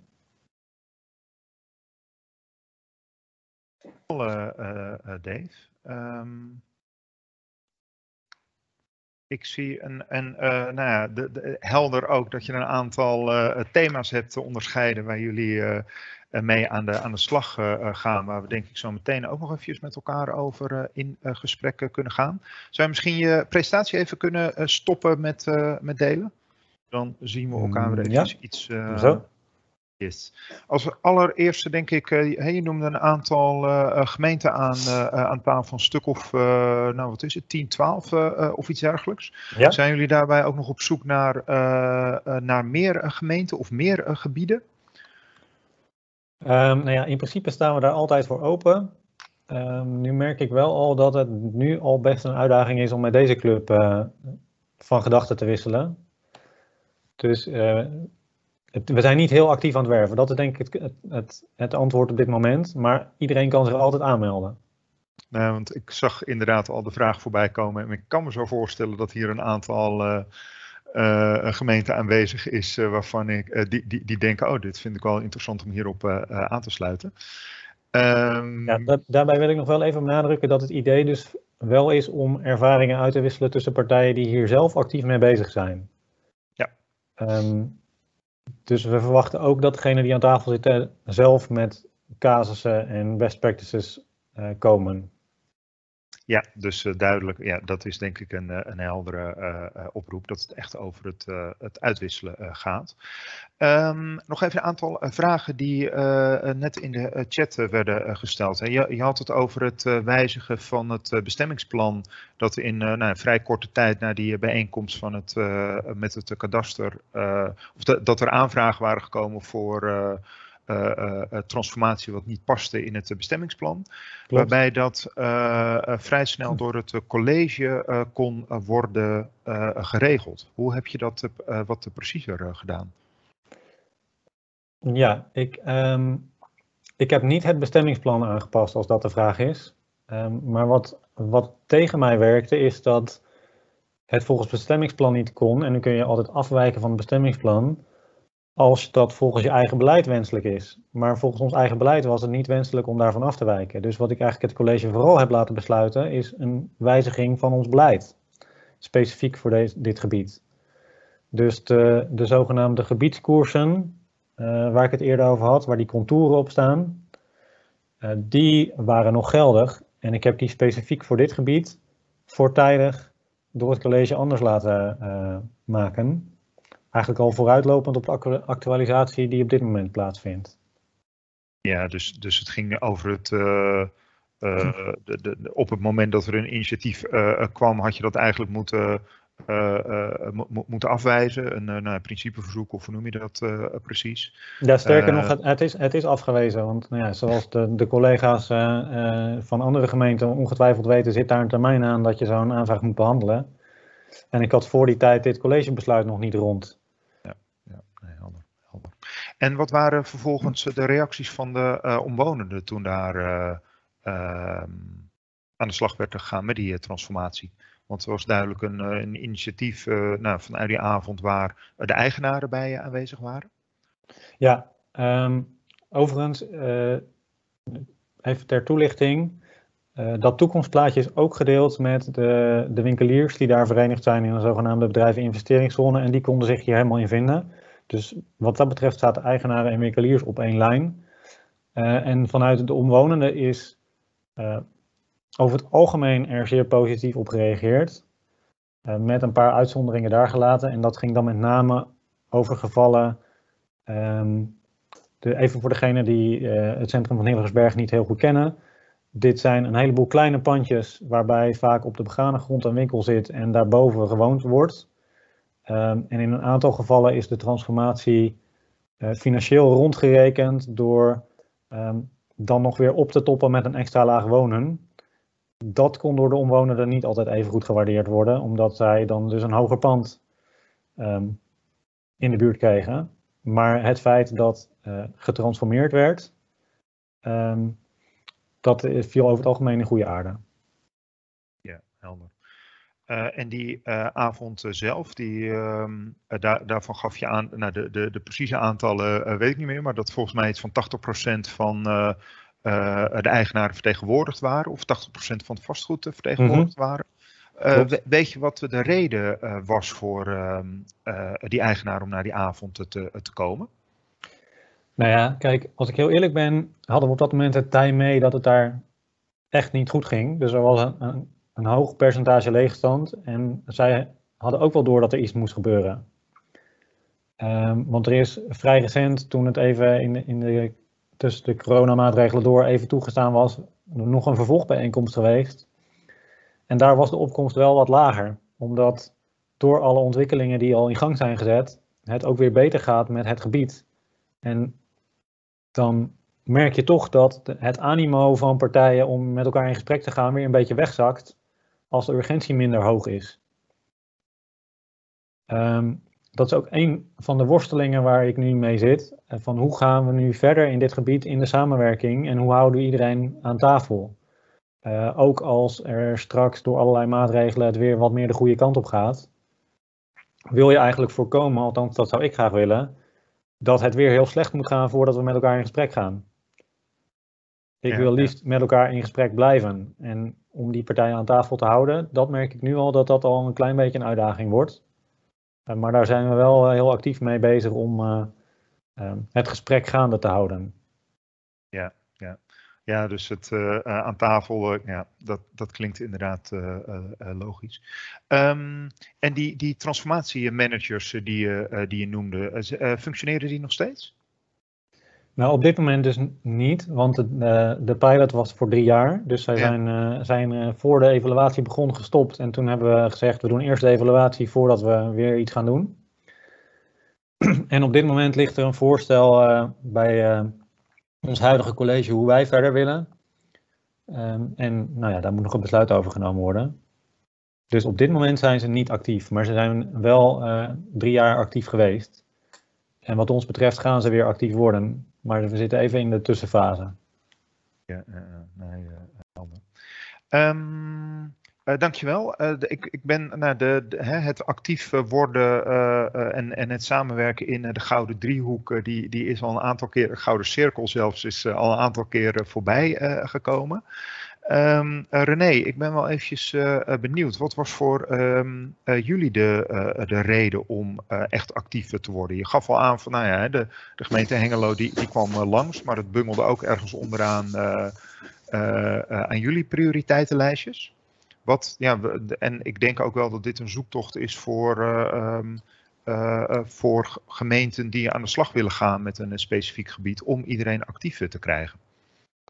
Ja, even als ik je goed begrijp, uh, wat was voor, uh, voor vier dus de aanleiding om met dit thema aan de slag te gaan? Nee, dat, dat ligt dus eigenlijk besloten in uh, mijn pleidooi eerst voor de Retail Agenda 2015. Zo was ik nog werkzaam bij een, de, een van de grootste institutionele beleggers.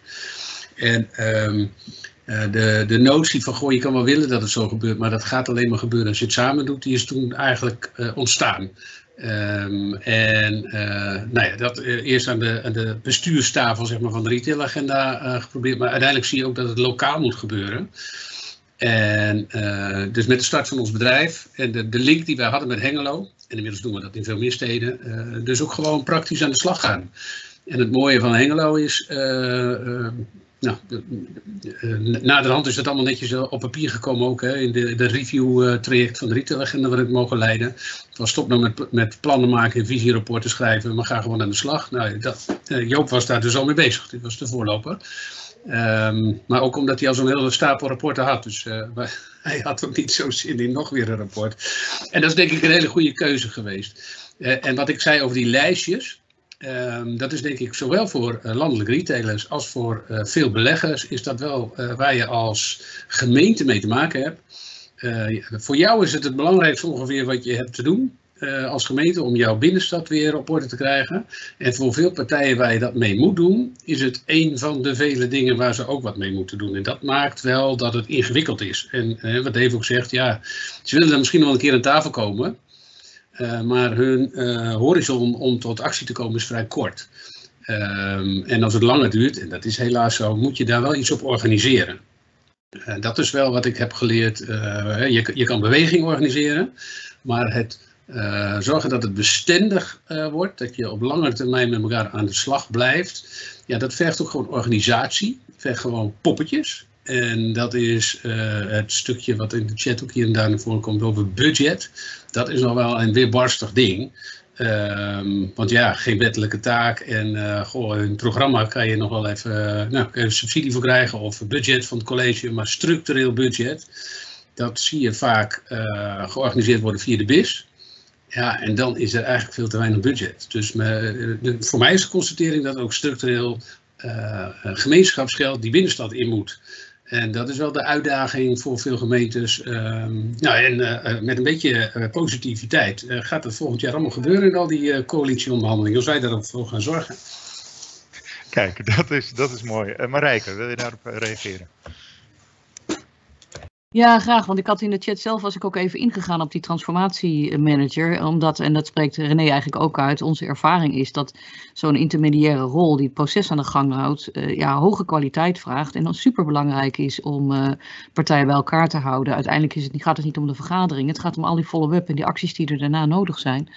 Dus het is uh, denk ik uit dit gesprek ook heel mooi te halen. En dat stelde ik jou als, als vraag, Maarten. Van, ja, hoe kan je daar met die wetenschap omgaan? Ook vanuit platform 31. En dan bedoel ik niet dat het uh, de vraag zou moeten zijn aan gemeenten om daar allemaal ambtenaren van te maken. Maar wel, denk ik, vanuit de publieke zaakredenering zou ik me voor kunnen stellen dat we een pleidooi doen toch bij die gemeente neerleggen. Om daar budget voor beschikbaar te stellen. En vervolgens te kijken, op verschillende gemeenten kan het ook anders uitpakken, wie dat dan uh, zou kunnen doen. Maar de functie op zich duiden en beschrijven en hem ook aanbevelen, dat is wel een, een, een belangrijk iets. En ik sluit dan ook even af met een opmerking die uh, Monique uh, Esburg maakte vanuit Nijmegen. Zij zei van ja, ik krijg extra vraag voor extra geld, maar mijn organisatie heeft natuurlijk ook heel veel formatie. Um, en, en misschien moeten we ook gewoon middelen vrijmaken om uiteindelijk ook mensen echt die rol te gunnen en te zorgen dat we ook anders werken uh, dan we standaard ambtelijk ook, uh, ook doen. En dat is natuurlijk ook iets waar je vertrouwen mee kan opbouwen. Het is niet zo dat ambtenaren besmet zijn en niet kunnen samenwerken. Er zijn natuurlijk ook heel veel voorbeelden. Kijk ook naar het verhaal van de gemeente Oosterhout, waar die bemiddelende rol ook gewoon door een gemeenteambtenaar worden, wordt vervuld, omdat hij zich bewust is van de houding om samen te werken. Dus ik denk dat het heel erg gaat om de cultuur en de houding en de professionaliteit. Uh, maar dat die betaald moet worden, dat is wel volstrekt duidelijk. En, en dat er nu te weinig nog structureel uh, die functie wordt gezien, dat is denk ik eigenlijk ook nog wel uh, een feit. Ja, dat, dat is denk ik ook wel de, of de, dat is ook wel de achterliggende reden waarom ik vroeg aan Dave Hoed met die transformatiemanagers zit. Want het, ja. het, het, valt me op dat in veel plekken waar sprake is van, uh, van transformaties, dat dit soort intermediaire functies, ja, en, en wie dat dan ook precies doet, of dat een, een, een, een ja, buiten de, de, de organisatie staande persoon is, of iemand die dat inderdaad vanuit bijvoorbeeld een gemeente doet, dat is denk ik wel echt ja, heel erg uh, van, uh, van belang. Het is denk ik ook een punt dat we mee moeten nemen naar, naar onze stuurgroep. En wat ook weer aansluit op de discussie die we hebben over hoe krijg je nou die impulsaanpak voorzien van een goed voortraject. Want kijk, er liggen niet zomaar honderden projecten op de plank. Dus heel belangrijk is om ook de tijd te doordenken van hoeveel tijd kost het om snel in actie te komen. Kijk, als je plannen voor een stadhuis hebt klaar liggen, dan kan je natuurlijk hem heel goed inschieten. Dat is overigens wel knap dat dat gelukt is. Ehm, maar sommige gemeenten zullen dat voortraject toch nog moeten doen. En ja, besluitvorming vereist toch ook papier, vereist grondige voorbereiding. En dan is het toch wel belangrijk ook dat de komende vier jaar uh, die aanpak van die impulsgebieden ook als het ware een aanjager zou kunnen zijn om dat soort processen te versnellen en ook die know-how met elkaar goed te organiseren. Ja, ja zeker. Dat, dat denk ik ook. Um, Edgar, vanuit Oosterhout, hè? Ehm, die, die ja, de, de, de schwung er zeg maar, inhouden. Dat was ook een opmerking die Dave noemde. Hè? Zorg ervoor dat, dat het Ehm, dat iedereen ook in de toekomst nog daar actief blijft. Hoe zie jij dat voor je in, in Oosterhout? Want ja, dat is ook, nou ja, het is nu iets meer dan een jaar geleden dat dit. dat jullie de besluiten hebben genomen. Hoe, hoe zie je dat nu een jaar later gaan? Zeker met zo'n Arends of tweeën, daar heb je gewoon zelf regie genomen en heb je heel die opgave zelf aangepakt. Daar kan je veel makkelijker in doorschakelen dat soort lastige aanpakken waar heel veel vastgoedeigenaren, althans voor ons 25 is dan misschien al heel veel.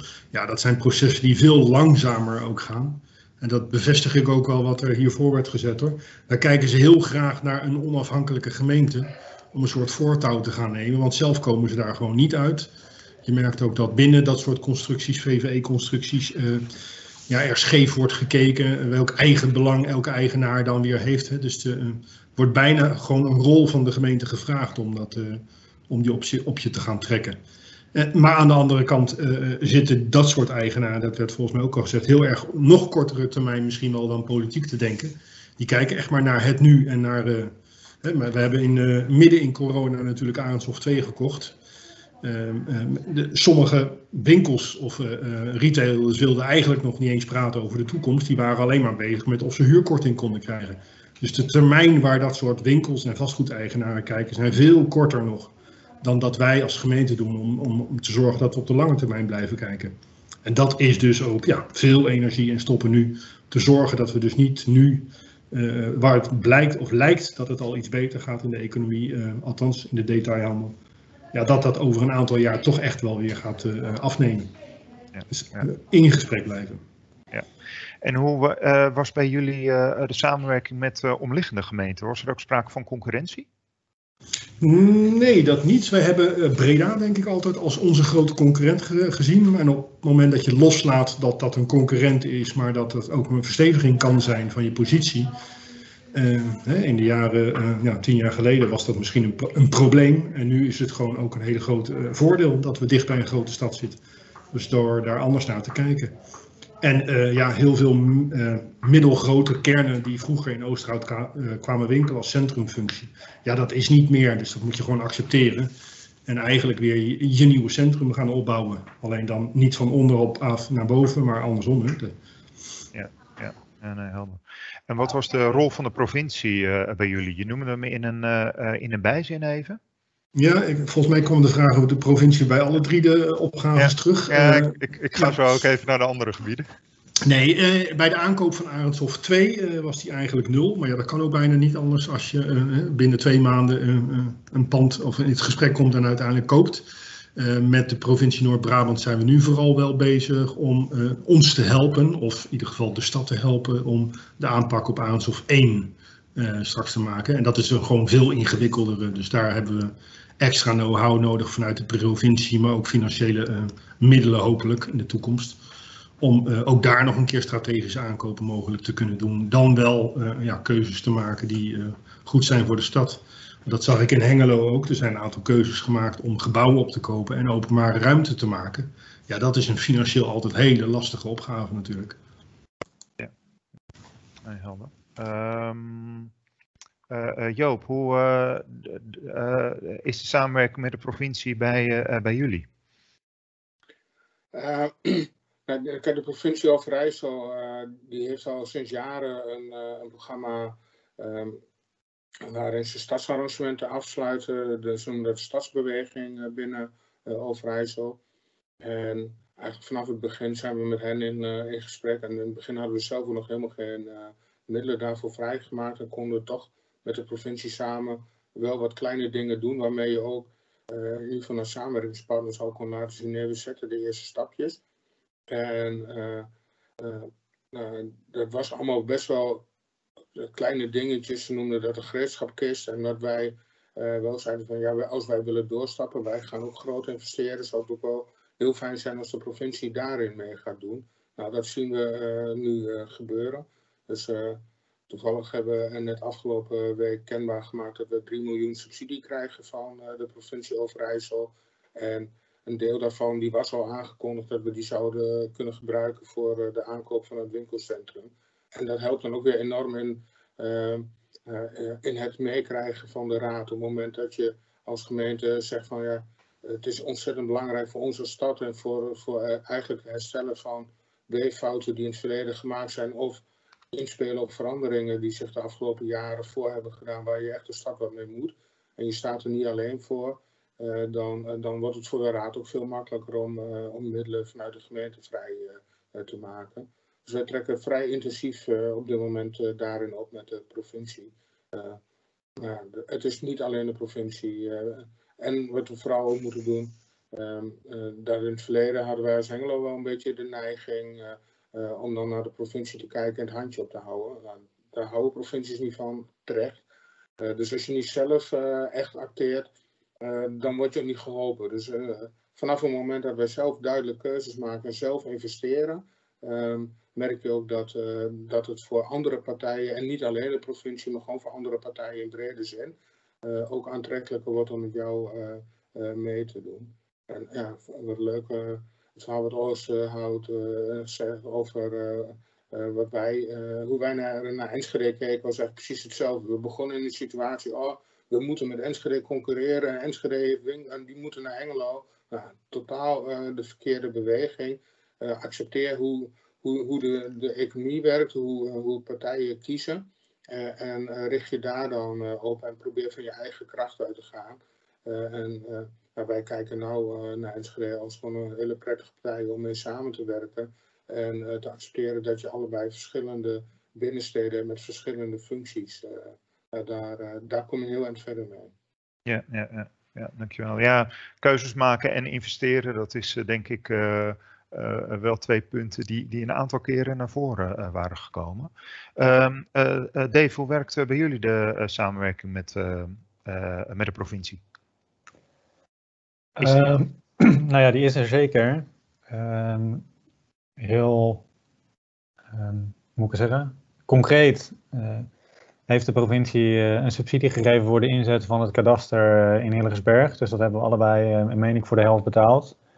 Maar op groter niveau, groter abstractieniveau vooral, um, merk ik dat we toch een wat moeizamere relatie met de provincie hebben. Uh, de provincie Zuid-Holland is met name gefocust op het terugdringen van het aantal vierkante meters detailhandel.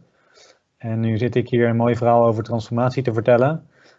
Maar heb ik ook collega's die proberen nog wat detailhandelontwikkelingen voor elkaar te krijgen in andere delen van de stad. Um, en daar um, zeer moeizame gesprekken met de provincie over hebben. En nu proberen we eigenlijk deze twee dossiers een beetje aan elkaar te knopen. Uh, zo van, nou ja, als we dan daar ontwikkelen, maar we, we, weten ook een en ander te transformeren, is er dan wel wat mogelijk. Uh, maar dat is nog een uitdaging. nou ja, er is al een heleboel gezegd over de samenwerking om transformatie te realiseren. De, dat, daar zit aan vast dat we als gemeente eigenlijk ook lastig kunnen garanderen hoeveel transformaties er waar gaan plaatsvinden. want we zijn heel erg afhankelijk van de partijen die daar die positie hebben. Um, dus uh, op, op uitvoerend niveau aan transformatie uh, verloopt de samenwerking uh, in praktische zin heel prima. Maar in het grotere detailhandelplaatje gaat het gesprek nog wat moeizaam. Ja, ja dat. Maarten? Ja, René. Zit ook in de call. Die is van de provincie. Dus misschien voelt hij wel behoefte om hier iets over te zeggen. Ja, Tjeu. Ja, dat heb ik zeker. Ja. Nou, het klopt wat Dave zegt, dat we een wat moeizame relatie hebben met, uh, met Rotterdam. Uh, ik was ook blij om te horen dat uh, Dave zijn presentatie wel duidelijk aangaf voor welke winkelgebieden zich het laatste stukje waar geconsolideerd wordt en waar uitgebreid wordt en waar behouden wordt. Dat, die verhalen die hebben we tot nu toe weinig gehoord vanuit de gemeente Rotterdam. Dus dat betreft is prima. En ik, ik reageerde ook meteen door te zeggen van joh, laten we daar ook eens samen over hebben. Ehm, eh, in het verleden, de ervaringen die we hadden met Rotterdam, was dat er heel veel toegevoegd werd en wordt. En maar weinig gesproken werd over het wegnemen van meters. Dus daar lag ook meteen onze uh, kritiek, om het zo maar te zeggen. En ook onze problemen. Van joh, leuk dat jullie toevoegen. Maar laat ook zien waar je de meters weghaalt. Want jullie hebben te veel meters. Dus daar, daar gaat eigenlijk ook de discussie over. Maar voor de nieuwe ontwikkelingen, die staan we in principe niet in de weg. Maar laat ook duidelijk zien waar je die meters weghaalt. Dus. Dat, uh, die samenwerking lijkt de goede kant dan uh, uh, op te gaan in, in elk geval. Uh, ja, goed, we naderen uh, 12 uur, dus het wordt denk ik tijd om ehm, richting een einde te, te, gaan. Ik denk dat wat Dave op het einde van zijn presentatie aangaf, hè, de vijf verschillende thema's die er zijn, de, dat dat ja, belangrijke zijn die ook in de verschillende presentaties en die ook wel vanuit de verschillende vragen naar voren uh, kwamen. Dus dat gaat over de ambities met winkelgebieden of met de kern bepalen intern, maar ook ja, extern in de Gouden Driehoek. daarnaast de, de, organisatievormen van die winkelgebieden en de kern. Hoe ja, hou je de samenwerking en hoe doe je ook de aansturing? Eh, de middelen en de instrumenten. En dan gaat het uh, om die gewenste transformatie te stimuleren. En dan ja, gaat het denk ik aan de ene kant over de, de harde instrumenten waar we het over hebben gehad. Hè, bestemmingsplannen, investeren, dat soort, dat soort zaken. Maar ook zeker over de wat zachtere instrumenten. Het, het maken van visie, de, de, de transformatiemanagers of dergelijke functies erin. En de middelen en de instrumenten om ongewenste transformaties te, te voorkomen. Nou, ik denk dat dat ook uh, ja, goede uh, thema's zijn om uh, te kijken of we daar in de, in de toekomst ook nog weer verdere kennis op kunnen, kunnen uitwisselen. ja, en wat, wat mij betreft, als iemand daar goede voorbeelden van heeft, laat het ons ook vooral weten. Want ik denk dat we hier uh, in de komende tijd nog, uh, of nou ik weet wel zeker dat we hier in de komende tijd nog uh, meer aandacht aan, aan zullen besteden. Het is een ja, grote opgave die speelt, maar waar op verschillende plekken in het land al veel goede voorbeelden voor, voor zijn. Ja, en ik hoop ook vooral dat op het moment dat we weer iets meer kunnen ergens in het voorjaar hoop ik toch, toch wel dat we ook met elkaar op pad kunnen gaan om ja, ook te kijken hoe het, er, hoe het eruit ziet, wat ook de aanpakken zijn, wat ook de verschillen zijn in de verschillende gebieden die, waar nu de, de stappen in gemaakt worden.